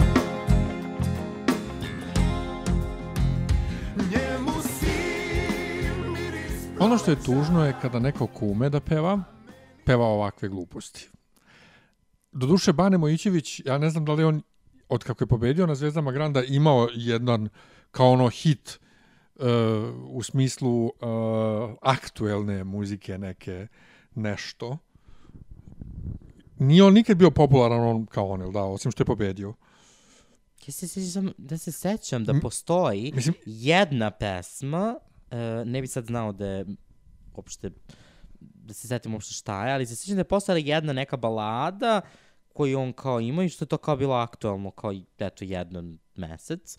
Ovaj, I posle toga ja se stvarno ne sećam. Ja znam ni- samo njegovu pesmu sa Grand Festivala broj 2, koja je bila onako narodnjak, malo južnjaški, koji mi se dopao, ali ovo je jednostavno, uh, kad vidiš cvet sa prokletija, očekuješ, aha, ovo je opet neko kukumavčenje za Kosovom, a onda nigde Kosova, pa onda odjednom, da- pesma zvuči sve, Nigde Kosovo, svud je Kosovo. zv- zvuči sve vreme kao, kao ono, taj opet nepostojeći beogradski pop, malo gitare, malo ovo, i onda ovaj, uh, odjednom skrene na ovaj bridge na sredini pesme, koji kao da je pisao Željko Joksimović, i kao, ne znam, ali nije, kako svugde Kosovo, možda ja nisam pažljivo slušao, slušao tekst, Pa Cvet prozagletija, ikona, mislim to je kao ljubavna pesma, ali u stvari je kao, eto, kukum, kukuma, Znači, ponovo kao nova kukumavka za. Kosovo, samo što je kao, eto, kao, dajde pa svaki put je upakovano u, pa u, u, ljubavnu, u ljubavnu pesmu. Tako da,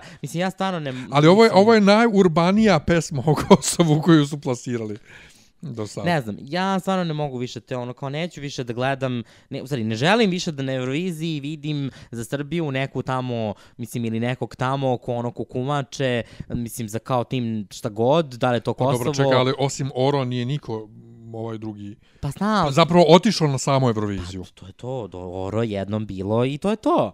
Ovaj, a, tako da ne bi volila stvarno da vidim nikad više nikakav cvet sa prokletija na Euroviziji. Iz prostog razloga što kao, dajde kao malo da se predstavimo ne, negdje drugo. Ovo do duše nije nikakva sad kao... Um, Očekivali bismo da, kad vidimo Cvet sa prokletija, čujemo zaista nekakav etno. Ovo da bude kao sve vreme ono što je Ima Beach. neki etno u jednom momentu, ali onda stvarno ovo jeste kao neka baš najobičnija od svih mogućih običnih pesama. Uh, šteta, kao Bane je okej, uh, i to, ali mislim da, da, da kao, ja, ja stvarno ne, ne vidim poentu uopšte ovog, ove pesme, al, al ajde. Uh, ajde, mislim, eto, vidjet ćemo. Mislim, ne znam, ono što, se, što, što jeste činjenica jeste da ova pesma stvarno ne zaslužuje uh, ono kao, eto, možda neko sedmo mesto u finalu ako se plasira. A, sledeća grupa je Balkubano, pošto smo sad već malo grupisali tu tako, te tako um, cvet sa prokletija pa svadba velika, kako se zove pesma od Balkubano, to je to grupi, grupisano u jednoj, taj kao neki motiv a, ljubavi nesrećne. Um, prvobitno sa ovom grupom je trebao da nastupa a, Bora Dugić, ali e, zbog određenih okolnosti Bora Dugić neće nastupati, tako da eto da čujemo Balkubano i svadba velika.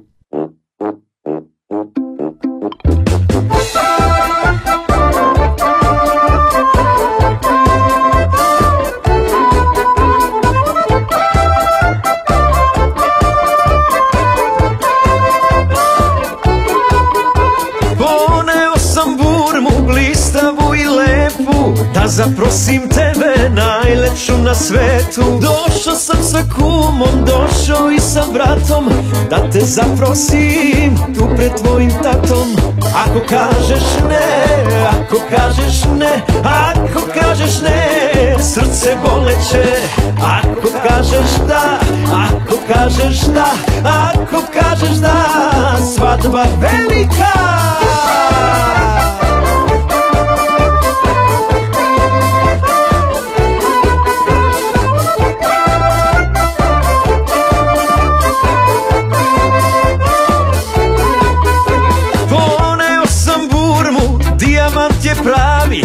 Kad ga pogledaš, vrti se u glavi Tvoje oči plave, tvoje usne vrele Da ih poljubim, samo to bih htele.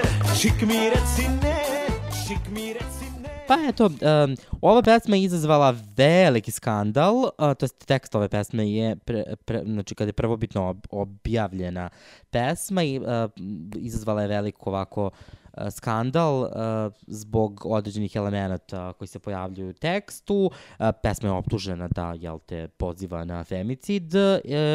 Uh, tako da, mislim, te, ovaj tekst, tekst ove pesme, prvobitni tekst ove pesme, koji je govorio da će poneti bombu ako se, on, da, ako se ona ne uda za njega, zapravo ja ne vidim ništa tu sporno, iz prostog razloga što mi stalno imamo, te, mislim, u našoj tradiciji, srpskoj tradiciji, postoji određeni motiv, ako se ti ne udaš za mene, raznaću i tebe i sebe, uh, tako da ja ne vidim šta je tu sad kao nešto novo ili čudno i kao sad tu mi se skandalizujemo, Či, činjenica da takva ovakva pesma ne bi trebala da bude na Beoviziji iz prostog razloga što prvo zvuči kao narodnjak za podšator, uh, što je kao, mislim, jednostavno nekako ne odgovara uh, muzički, jel te, samoj Beoviziji. Tekst zaista jeste bio bez veze, ali bez veze i sama ta ideja o kao bilo kakvom, ono, ako se udaš za drugoga, ne za mene. Mislim, imamo toliko primjera, evo, nedavno je bio primjer da se onaj jedan policajac razneo zajedno sa devojkom vaspitačicom koja je htjela da ga ostavi, a pritom je on oženjen i ima decu. Mislim, to je to skroz totalno u redu. Ovaj, plus ovdje imamo kao Boru Dugića na prvo na takmičenju uh, gde je, jel te, muzika na matrici i kao šta on tu svira, kao tu frulu, mislim, ja ne razumem to. Uh, tako da, uh, Bora Dugić je, nažalost, mu je pozlilo kada je, je ceo skandal ovako se malo zahuktao, tako da je on završio u bolnici i jednostavno neće nastupati, jel te, na, na Beoviziji. Ovo, mislim, samo činjenica koliko god je izabrao da ova pesma, jel te, bude tu gde jeste, je stvarno onako malo, mislim, sama odluka je vrlo, vrlo bizarna, kao i sama pesma, Pa ali pesma kao pesma nije bizarna, samo jednostavno je ona vrsta narodnjaka koja svira na Radio Beogradu u drugom programu u 5 ujutru, ovaj, ono, kad, kad na selu kreće dan, I ono što ja ne volim je to licemerje RTS-a gde Grandu se ne dozvoljava pristup. Sad će reći Albani Mojićević. Dobro, Albani Mojićević ne nastupa sa Grandovskom pesmom. Kad kažem Grand, mislim fazon Milica Pavlović. Gde to ne može, ali onda... Milica Pavlović je grand. Pa dobro, ali taj fazon, ono kao, znaš, a ovo kao, kao to pesma, svadbarska pesma za počatru, to kao može, jer to je to kao tradicija kurci palci i e, ja smatram da je trebalo, da prvo nije trebalo uopšte da ih prime, a drugo da je trebalo da ih diskvalifikuju skroz, jer ako su oni napisali taj skandalozni tekst, e, znači da oni dok se nije digla frka nisu ni bili svesni loše poruke teksta i, i, i nije dovoljno što se mene tiče da se to sad kao ispravi. A drugo, Bora Dugić posle svih tolikih godina na sceni da je njemu zbog toga kao toliko pozilo da je završio u bolnici, pa izvini čoveče, Oko, šta bi, ka- kako, kako reaguješ na, nek, na nešto ozbiljnije? Znaš, i kao sam negde rekao, da, najveći problem ove pesme je to što je bio loš tekst. Inače, mislim da Nikola Burovac stoji iza ove pesme isto. Ovaj, jer ovaj Balkubano, pevač, šta je on već, ko je već, je rekao da sam Bora Dugić nikakve veze s pesmom nije A imao. da, zapravo ovu pesmu su pisali Nikola Burovac i Daniel Đurić. Daniel Đurić Ako je se pevač. sed- To je pevač pesme. To je pevač Daniel. Đu, to onaj Daniel, onaj Daniel Ne znam Đurić. ko je Daniel... Pa to je onaj Daniel, znaš da smo imali Daniela Đokića i Daniela Đurića. Onaj što sad vodi neku emisiju na KCN. Dobro. Ali to je ista ta osoba. Pa to je ono što žive u Beču. Ne, u Beču je živeo... Ne, obojica, obojica su u Beču. Pa da, to su oni učestvovali na Beoviziji pre 10 godina, 15. Što je pevao uh, it's, uh, it's Staring Up My Heart od, od In Sync na srpskom. Ne, Ne to, su, to, ne, to je Seven Up. Ja Nebitno, ne on je obradio In Sync. A Ne verujem da je to on, ali ovaj se čovek, eno ga tamo na slici, brate, vidiš ga, znaš da to nije ta osoba, to je Daniel Đurić, ali kako god, sam Bora Dugić nikakve veze s pesmom nije imao, osim što je svirao. Tako da, na studijskom snimku mogao je da svira bilo ko, ali pošto je to Bora Dugić, seti se da i kod Jelene Tomašević on bio featuring artist, što je totalno glupo, ono da imaš instrumentalistu kao featuring ovaj na pesmi, a čovek uh, svira na playback.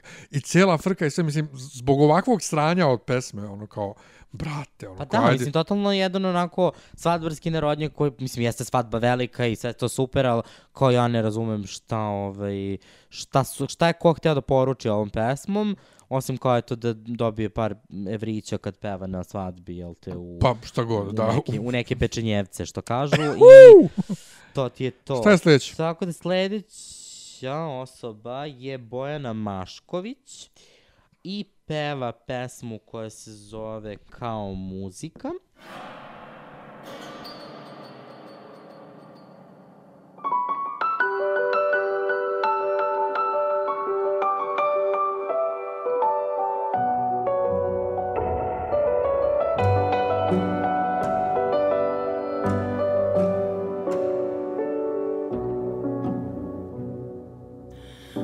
samo talas, ti bi bila obala.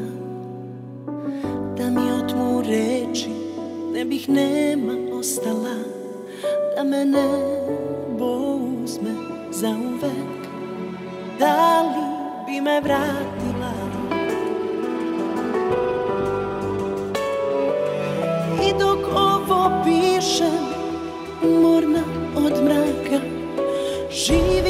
jedna nota, jedan komad zraka ostavlja. Da sa mnom zasvira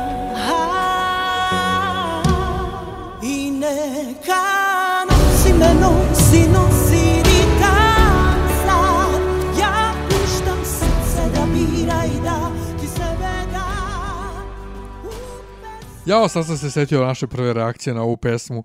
O, o, pošto smo sveže bili na koncertu Nataše Bekvalac, bilo je još ono potpuno um, creepy asocijacija. Ovo je wannabe Nataša Bekvalac uh, po interpretaciji i boji glasa, ali kad dođe do refrena pretvori se onako u, pa opet tipičnu um, tipičnu malo jaču baladu kakve se kod nas prijavljuju na ovaj Beoviziju. E, nije toliko jako melodijski i vokalno kao prošla godina ona Moja bol se beše zvala pesma, ali to je, to je taj fazon, znaš, tako da, eh, ne. Pa dobro, ako sad po, poređamo ovih 24 pesme u taj neki kao red, ova bi bila recimo u prvih 12.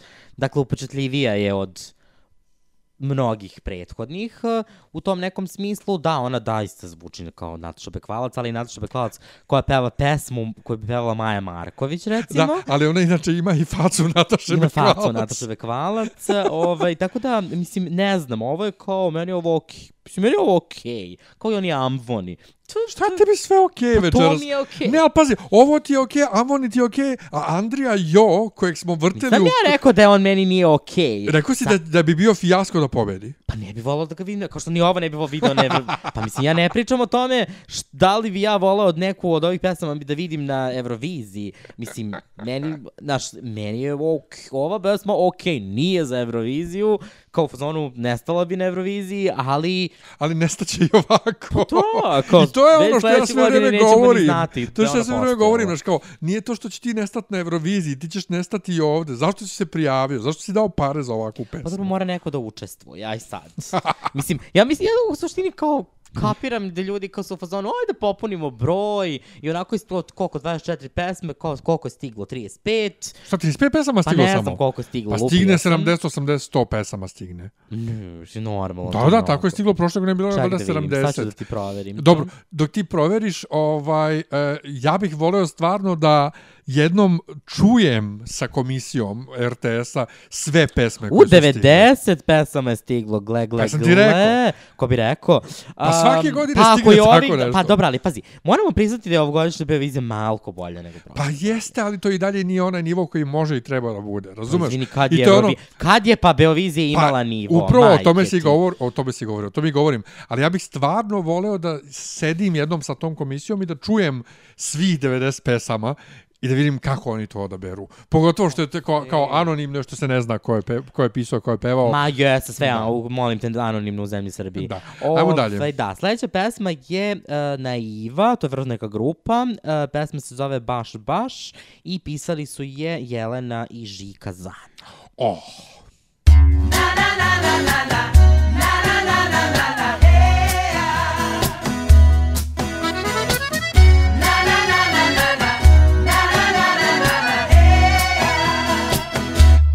Bio si mi sve, to znaju svi.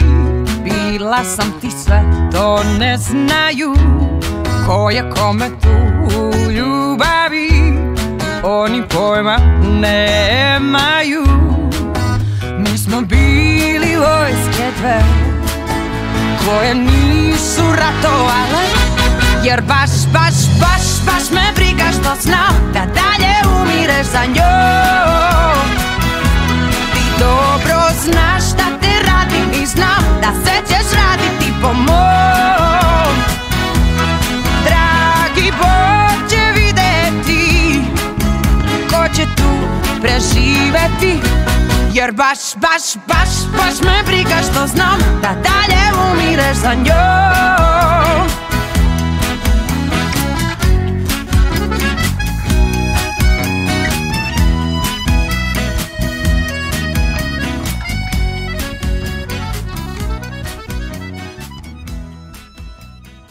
Joj, znaš kako?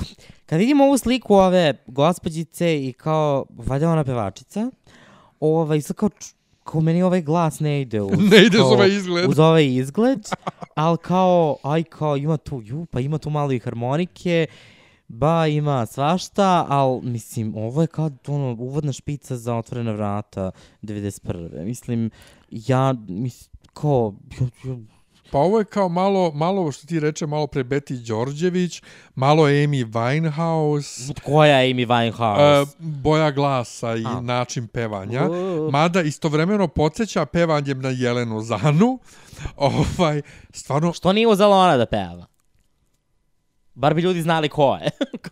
Da, zbunjen sam, zbunjen sam šta ova pesma želi da bude. Ovo ti je tako taj neki pop, jazz sa, sa francuskom harmonikom, mislim, ne, ne znam. pa ne znam, od, od očigledno... Ne, Ali nije da nije bilo ovakvih stvari na Euroviziji. Na primjer.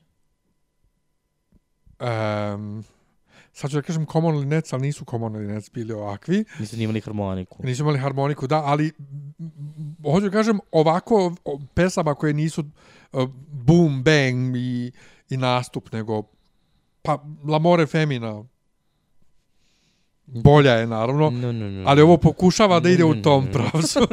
ne, molim te, nemoj sad to, molim te, se brukaš. Ovaj, opa, e, ti nisi znao da X Factor ima dve sezone. to nije za brukanje informacija.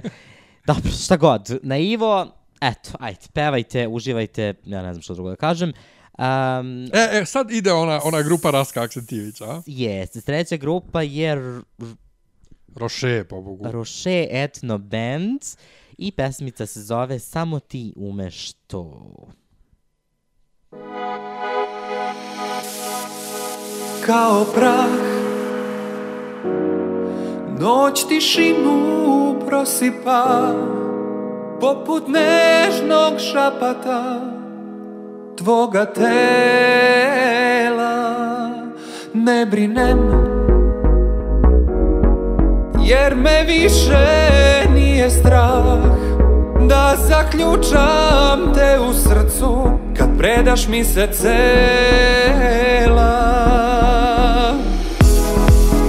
Daleko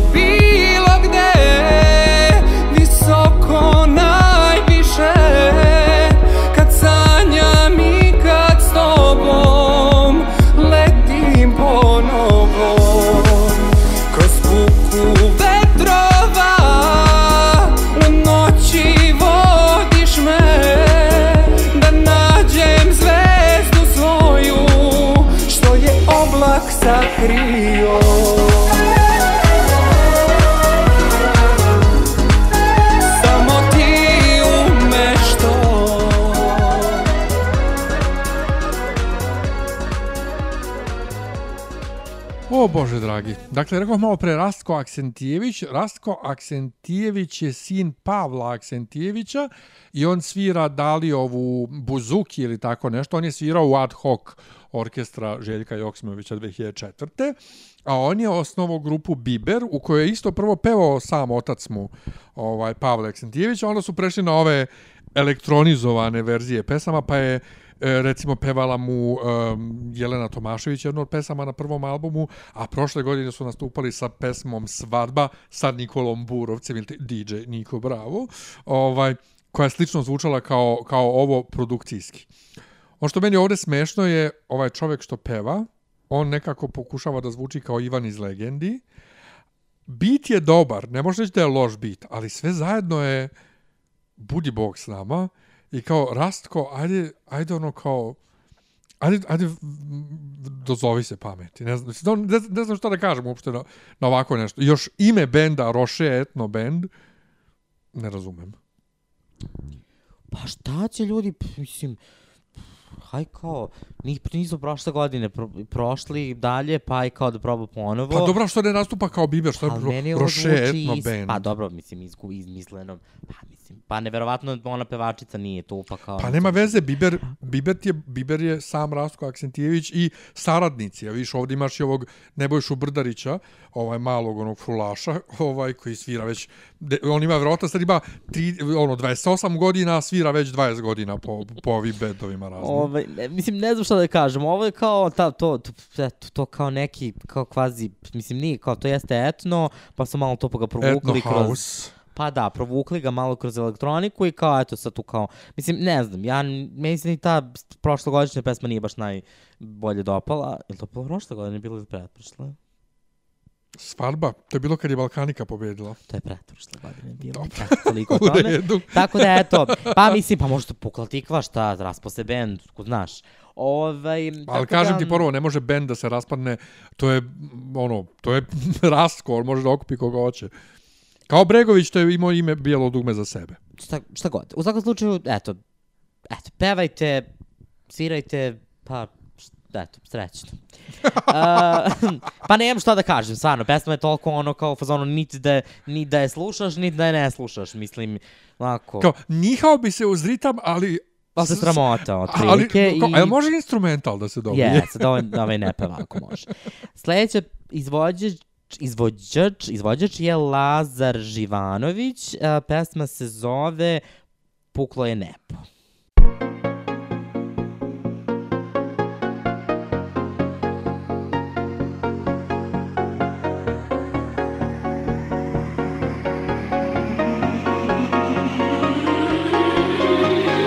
Uvek stojim tu Zakucan u vremenu Na duši ožiljci o tome ne govori. A gde si sad? Dok magla spušta se Pogledaj me. U tebe još verujem Puklo je nebo i treba nam spas Ljubav nas vodi u mržnju i rat Za ljubav se živi i umire Nema me otkad nema te. Ljubav nas drži, osvaja. Ljubav nas brani od tuge i zla. Ljubav ruši sve granice. Ljubav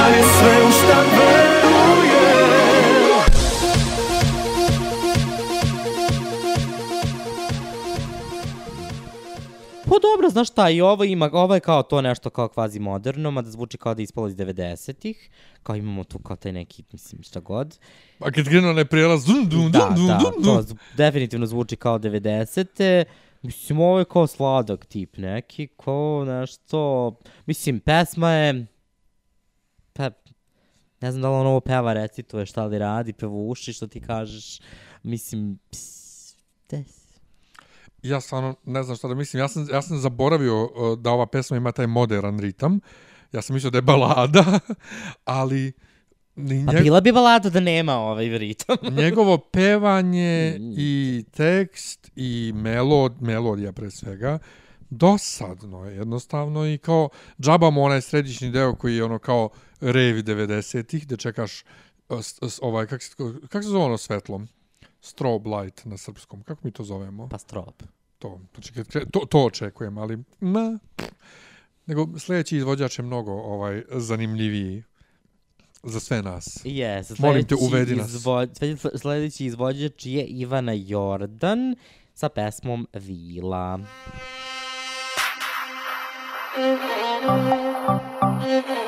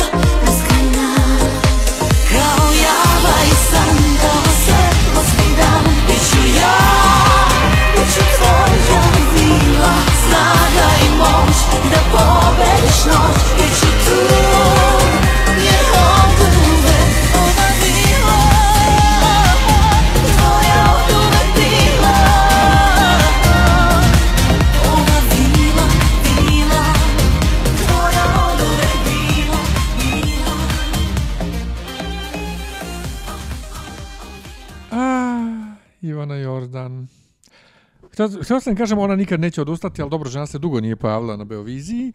Ovaj, prvo, treba neko stvarno da je kaže da uh, Mahmut Orhan nije nepoznati turski DJ, pa da uzme onakav uvod koji je potpuno skinut ovaj, od... Mislim, njegov je vibe. Međutim, pao je bolje nego bomba.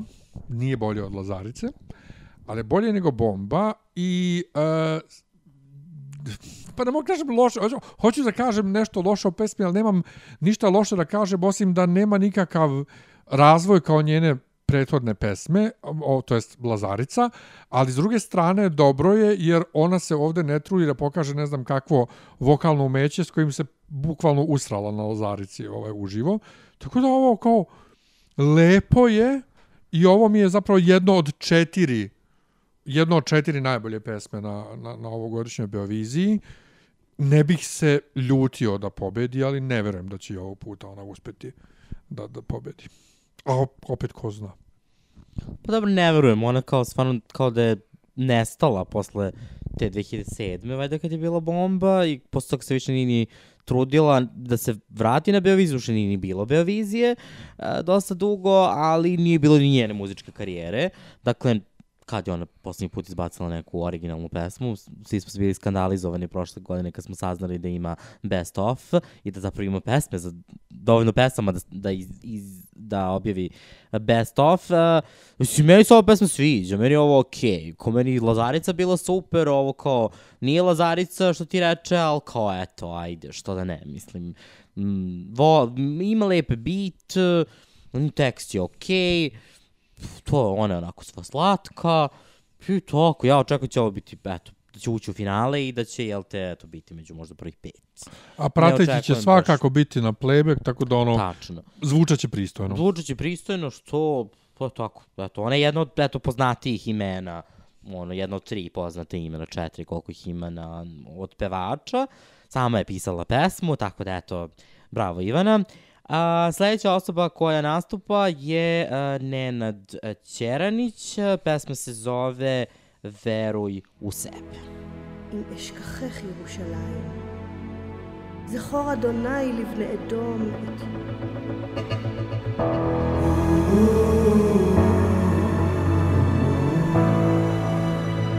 שיוחז וניפץ את עוללי, Još pamtim reči moga oca, zadnje reči Još pamtim te reči. Izađi i bori se za svoj san. Još pamtim reči što me prate život celi U sebi nosi samo dobro Pred tobom život je. Sunca sjaj Vodit će te uvek to znaj Raširi krila za let daleki Za let daleki. Veruj u sebe svaki dan.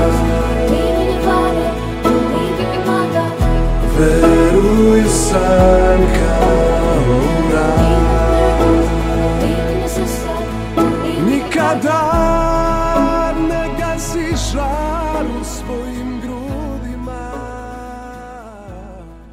Pa eto, ovaj od svih ovih pesama koje smo mi do sad to kao imali, evo konačno pred kraj najđe motivacijona pesma.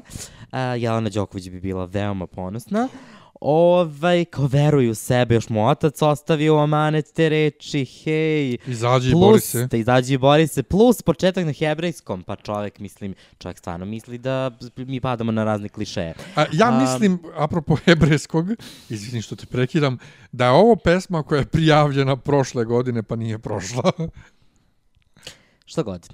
Dakle, ne znam, ovaj tekst tako kao, ne, tako nekako deluje neprirodno, kao te reči, evo, re, pamtim reči, reči, reči, u tri reči i tako dalje, mislim, ja ne znam, šta, šta opet ljudi, mislim, le, mislim, ako je ovo neka kao lična priča i kao to po, kao to i da čovjek kaže, ali ovo tako deluje kao da je prevedeno sa nekog jezika, kogod, ono, kogod jezika, i kao sad, kao on tu nešto veruje u sebe i kao jubije. Ali nešto kao lebdeća pesma, znaš, Ma, kao taj, taj klavir i, i sva ta instrumentalizacija pesme kao je to lebdeća, a podsjeća me, sad ćeš se smiješ, podsjeća me po tom vajbu na ovo bre Be, Robina Bengtsona ove godine u Švedskoj, znači onog što je pevao um, I can go on, you look so beautiful. Kako beše? Kako se zove pesma sama?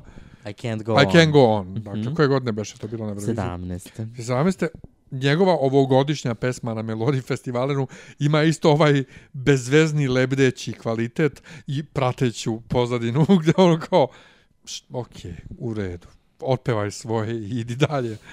Ali ja bih da pređemo Pa na... da, ovo je, mislim, bukvalno to, kao otpevaj, eto, nek ti, nek ti Kao, sastrećom. Te, tebe slušamo i... i onako dok ne čujemo favoritki. ono, Otprilike. Dakle, sledeća grupa koja nastupa, e, je grupa Hur- Hurricane, svima poznata, dobro, po dva svoje hita, favorito i kako god da se zove ona druga Avantura. pesma. To. Avantura, ma papa. Jeste, dakle, a, pesma se zove Astala Vista i ta a, Sanja Vučić koja je pevala na Euroviziji 2016. godine je, je autorka samog teksta. Jedan,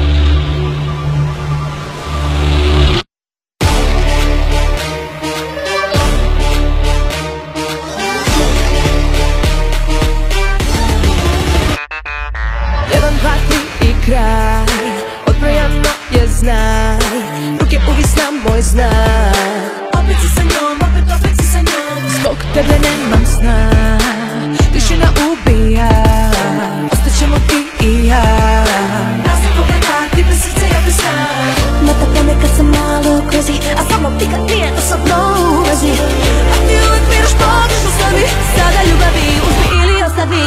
Hasta la vista, baby Hasta la vista baby.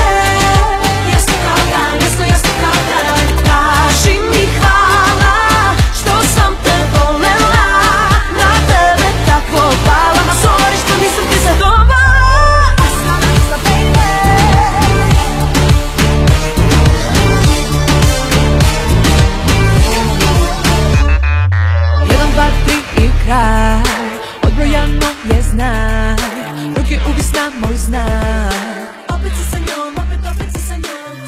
nemam sna Dakle, osim Sanje Vučić, koja je pevala za Srbiju na Euroviziji, Ivana Knežević, još bih rekao Kneževa čerka, Knezova čerka je pevala Knezu prateća vokale kad je on pevao na Euroviziji, izvinite. 2015. Um, ovo je apsolutni favorit, ja mislim, ova, i po o, pregledima na YouTube-u.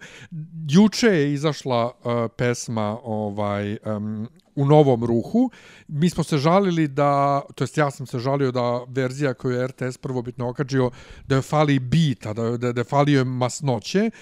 I oni su sad uzeli i ubacili su to, ali su malo promenili harmonske, harmonski tok pesme, gde malo mi, meni lično para uši u refrenu. Malčice su usporili da one ovaj uh, zvuče, uh, to jest da je izvodljivo za pevanje. Uh, međutim, i dalje i sa novim aranžmanom to i dalje ostaje najbolja pesma na, na, na ovogodišnjoj e, Beoviziji i definitivno iako sam ja rekao ne da se ovaj je savremenija, savremena muzika srpska, a ti se ne slažeš, ali za ovo mislim da ćeš da se složiš da ovo je jedina pesma koja je to ono što se aktuelno kod nas sluša i ponovo one nisu došle sa nekom uh, uh, pametnom pesmom, nego jednostavno ono što bi one svakako izbacile, zar ne? Pa da, ono što bi Marina Tucaković rekla, jedna e, priča iz života, situacija iz života, ovaj, svakodnevnog, dakle, pa da, zaista slažem se, ovo je ubedljivo favorit i ja se nadam da će one pobediti, dakle, one su moj favorit,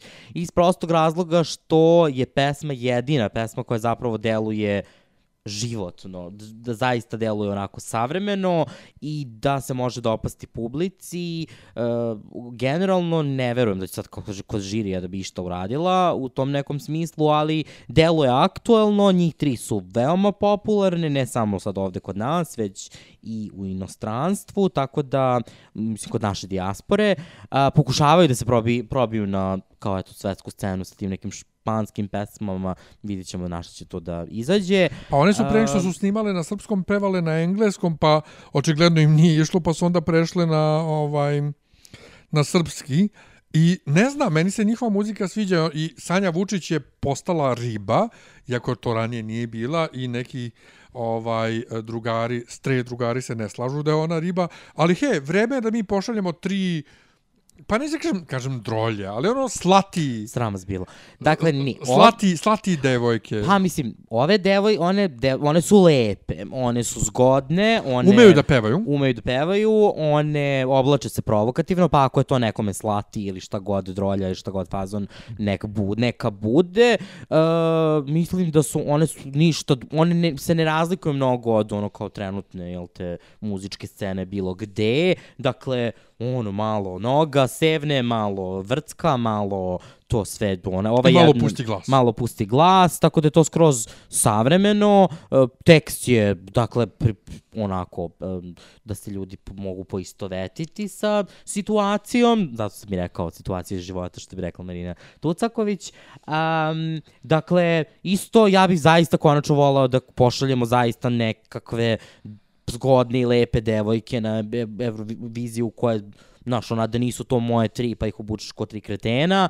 Dakle, ja se nadam da ove godine da će, mislim, one jesu lepe sve tri, ali kao, bože moj, šta su im uradili od odeće, tako da se nadam da će ovo, da će ov- ovaj put malo razmisliti, jel te više, uh, što se tiče samog nastupa, očekujem da će biti do nekakva dobra koreografija, jer pesma ima bit za koreografiju, uh, dakle, dosta će zavisiti od toga kako one budu zvučale uživo, naravno, nesporno je da sve tri znaju da pevaju, dakle, čuli smo Sanju Vučić a, 2016. godine kako peva na Euroviziji pesmu na engleskom, a, što nije bilo baš onako a, svakidašnje za naše, za naše uslove, tada tek druga pesma na engleskom, tako da žena zna da peva, žena dobro izgleda, žena je harizmatična, to ono što je bitno, dakle, mi imamo neke pojave na našoj sceni, kao što recimo Nataša Bekvalac koji ima harizmu ono drveta, e, a Sanja Vučić ima harizmu, znači sija, ove, ist, ova Dušet Knezova čerka je malo sva tako malo sva tunjavo mi deluje, ali... Ova a, treća tre- je- Ova treća je, mislim, igračica, žena je stvarno ono kao, eto. I Da, da, da mislim evociramo da- Ivanu, Ivanu Jordan bomba. Da, mislim da ove njih tri zajedno mogu da naprave show, mogu da naprave spektakl i mislim da to ono što Srbija nikad nije uradila na taj način. Imali smo mi spektakl u tom nekom smislu kao eto Lane Moje ili Oro, pa to, to, ali to je drugi tip spektakla, ali ovakav spektakl smo jedino možda mogli da napravimo sa Anom Nikolić 2006. Uh, i Jao. Romale Romali, ta, ta, to, to, to, to, to je žal. Ovaj, veliki, tako da ja bi zaista ovu pesmu i ovu njih tri želeo da vidim na Euroviziji, jer konačno ajde da kao pokažemo uh, neku žensku koja nije paćenica ili koja nije, jel te, monahinja koja peva tako neku pesmicu za ono... Za Kosovo. Za Kosovo. E, ja bih Tako is, da, isto vol, voleo bi da ne pevaju na engleskom, ako budu išle. Ovaj, kakav god da je tekst, ne bih voleo da ide na engleskom, ovo ovako samo po sebi ima smisla. Pa dobro, Sanja Vučić je već bila na engleskom na, na Euroviziji, ja bi stvarno, ja stvarno mislim da ona shvatila da to jednostavno ne ide u tom kontekstu. Kod nje, iako je pesma bila lepa, sama po sebi na kraju šta bila na dnu skoro tabele, tako da zaista ja sam uvek za da se peva na nacionalnom jeziku, koji god to bio, bez obzira da li ga mi razumeli i ne razumeli, dakle jednostavno muzika i energija koja se šalje sa bine je ono što je bitno, a, a tako da u ovom smislu mislim da jedine one od svih do sada pomenutih izvođača, čast izuzecima, jedine one mogu da naprave nešto u tom smislu da to izgleda dobro i da zvuči dobro i da to bude baš onako jedna divlja pesma, jer mi zaista, eto, Srbija nije baš bila poznata. Mislim, pazi, najdivlja pesma nam je ono kao, s jedne strane Cipela, a s druge strane Milan Stanković, pa mislim, Da, znaš, ono kao, da. haj, hajmo nešto sveže. Da. A sad nam sledi... Ana e, Milenković, to je ona plava iz uh, Bla Bla uh, benda. Bla Bla benda, odnosno Beauty Queens. Uh, pesma se zove uh, Tajna.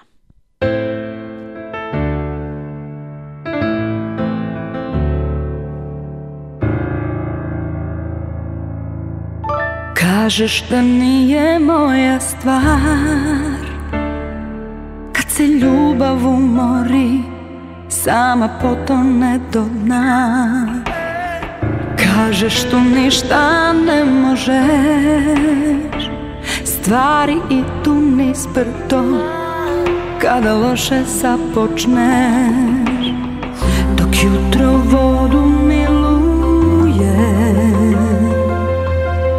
Ja čuvam ljubav kao tajnu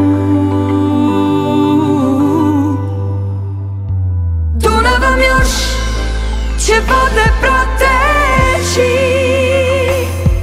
Dok se opet sretnu baš Dvoje kao ja i ti. S Dunavom još se ljube brodovi Pa bi mogli ja i ti Tu na našoj obali.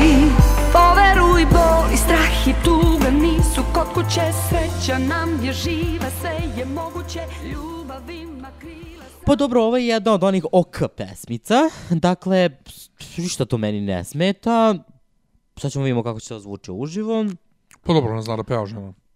Pa dobro, vidjet ćemo. Ove, u svakom slučaju, okej je, mislim, nije mi sad nešto neki spektakl, niti očekujem bilo šta od ovoga, simpatična je, ima tako to neko lepo muzikica i mislim, što se mene tiče, stvarno, onako, nemam šta, nemam šta pametno da dodam. Ona je e, jedna e, od Beauty Queens, dakle, pobedila 2007. sa Marijom Šerifović i ne znam da li je više ikad iza koga pevala prateće, za razliku od ove druge Sanje Bogosavljević, ali ona razume marketing i ja sam samo od nje, baš ova slika što je RTS dao nje u ovoj beloj haljini i koju ona drži na fesu sada kao profilnu sliku, kao spot za pesmu to je kao isečak iz spota za pesmu, koji, koja se vrti kao reklama, ali bez zvuka po tržnim centrima na onim ekranima sa reklamama i kao Beovizija. Tako da ona je ono kao uložila u reklamu i ona očigledno veruje u ovu pesmu. Ali sama pesma kao pesma nije ona loša, ali opet nije to za, nije za takmičenje. Ali daleko bolja nego, nego pesma ove Sanje Bogosavljević. Ono što je smešno je da instrumental u ovoj pesmi ljude podsjeća na, uh, na naslovnu muziku crtanog, uh, crtanog filma, crtane serije X-Men iz 92. A ono što je smešno u svemu tome je da je, pazi, to je, dakle, numera iz 92. i jedna od najpopularnijih uh, špica crtača svih vremena, a prošle godine neki čovek optužio da su ukrali muziku iz neke, pa, uh, TV serije ovaj policijske mađarske iz nešto valjda 60-ih ili tako. Tako da ovaj zabavno da kao, o, o, optužbe u krug koja od koga ukro muziku, ali mislim ono jednostavno dobro liči na nešto. Ne može ne može da ne liči ni na šta danas. Tako da eto, dok lepe smuljak, ali pff, ja. Um, dobro. Sljedeća, pe, posljednja pesma zapravo, na ovogodišnjoj Beoviziji, je duet Milana Bujakovića i Olivere Popović, koji se zove Niti. Kada si noć Kad si slobodna Svemir je tvoj Pa ja ne idem nikuda Treba mi to Tvojim očima. Sada sam siguran Sada sam siguran. Da li sve sam ja? More talas obala. I da li ljubav jedna je? Kad nema šumova Kad nikom ništa ne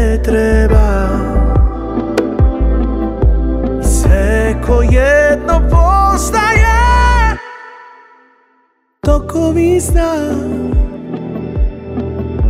živi zidovi Volim te ja. Al prostor je premali. Niti su tu. Tako rekla si. Molim te ostani. Molim te Ah, uvek mora da se pojavi ovako neka pesma umetnička sa modernim um, modernom produkcijom, ali ovo, pa da, ovo je ono u zadimljenom o, hipsterskom baru da sede i da se kao gube uz ovo i kao ja, kako je ekstra. I znači imaš, sad u ovom isječku ljudi nisu mogli da čuju nju uopšte, jer se ona pojavljuje tek u posljednjoj minutu pesme i peva tako su zlatne niti, tako su zlatne niti, tako su zlatne niti. On ne peva loše, ali ovo je to kao taj neki nešto, jazz, nešto, nešto, nešto. Ne znam, apsolutno. Ali kažem, mogu da zamislim ekipu kojoj se ovo dopada. Pa da, ovo je, ovo je skoro pa duet sa samim sobom. Ovaj, pošto ne znam šta kao žena zlatne niti, ovo su zlatne niti i tako to ponavlja i kao tu nešto peva, mislim kao peva i mislim, pa ovo je kao neki, otkud znam, ne znam kako da nazovem ovu uopšte pesmu, Dakle, to jeste neki onako malo kao psihodelični, kao, znaš, svemir je tvoj kad si slobodan i kao UPA.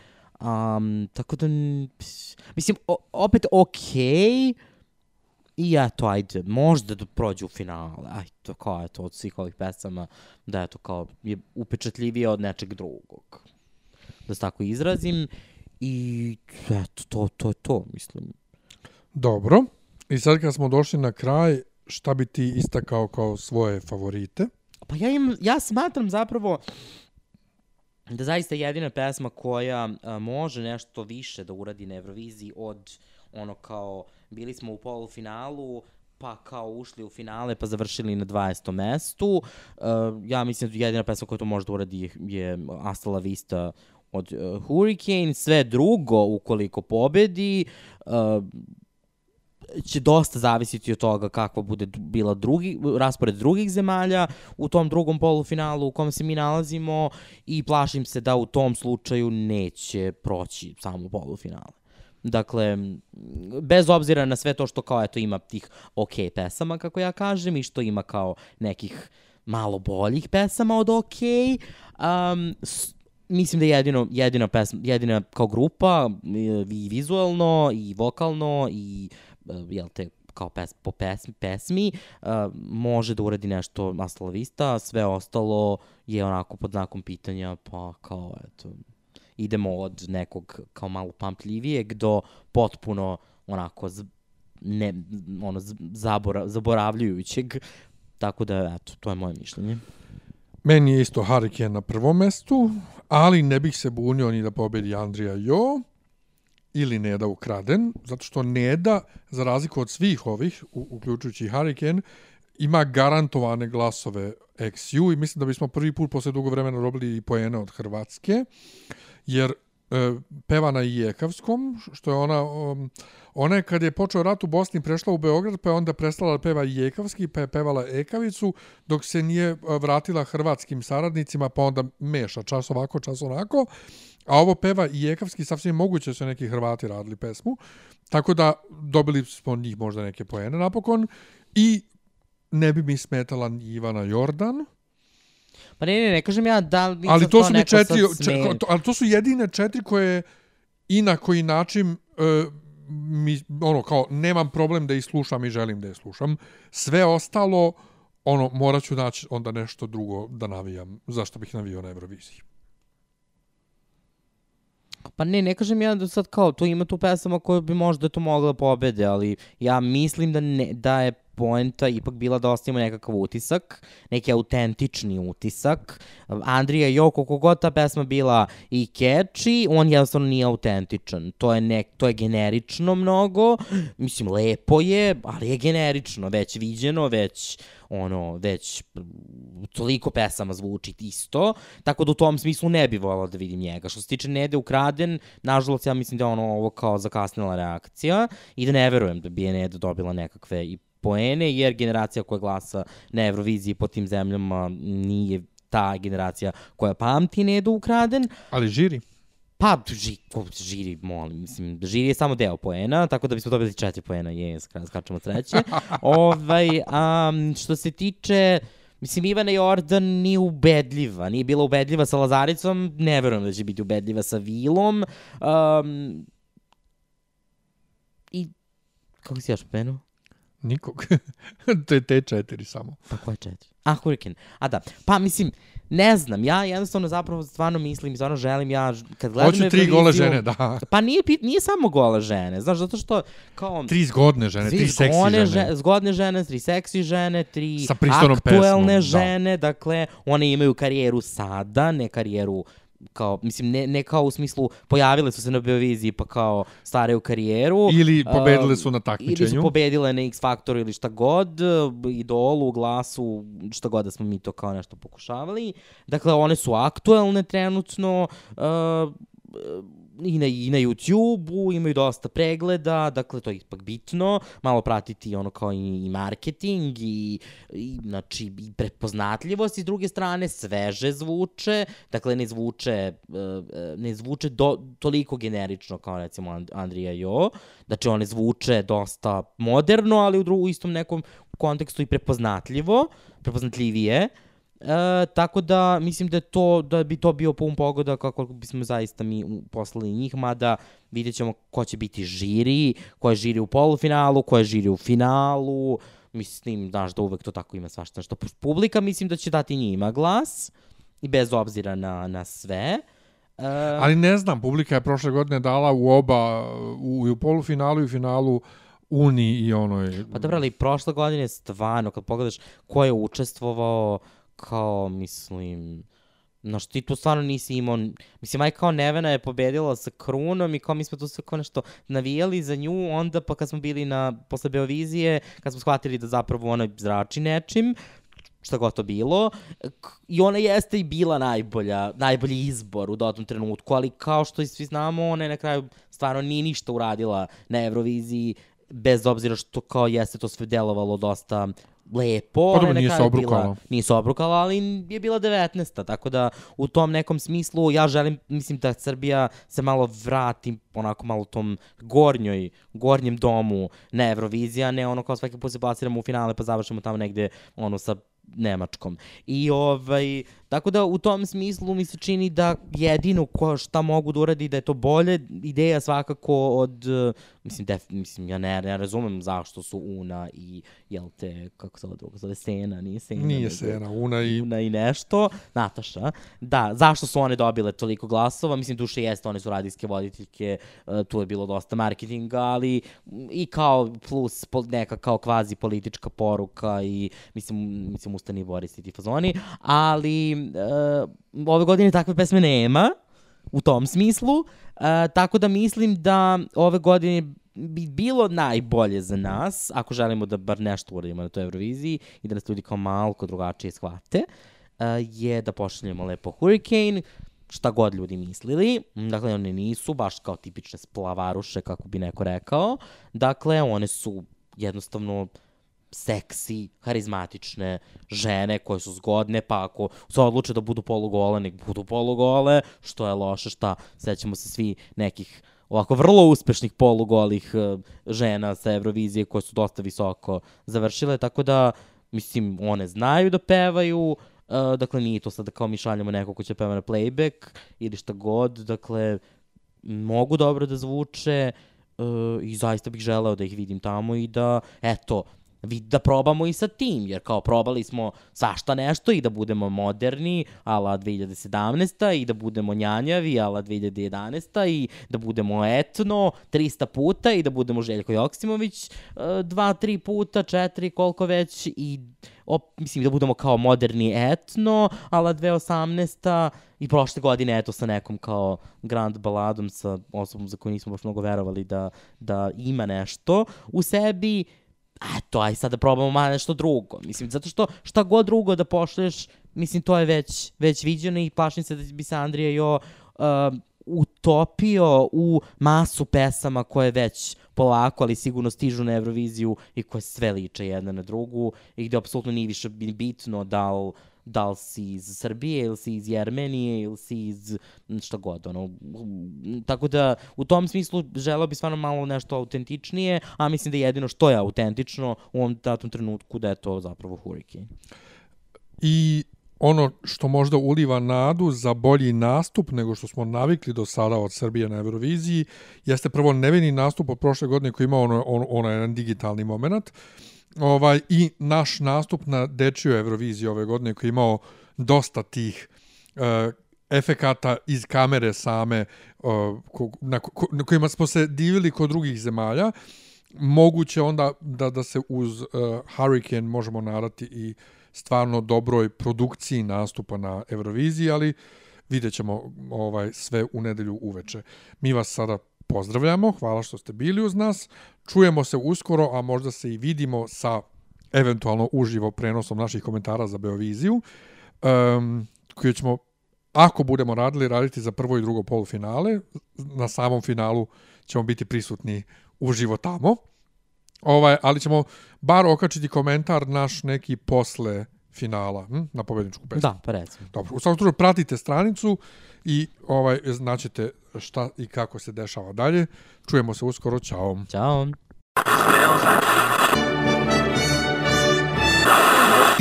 Save all your kisses for me.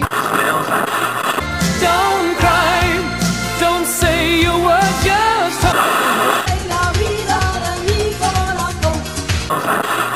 te pomislim Bojim se da te charme amor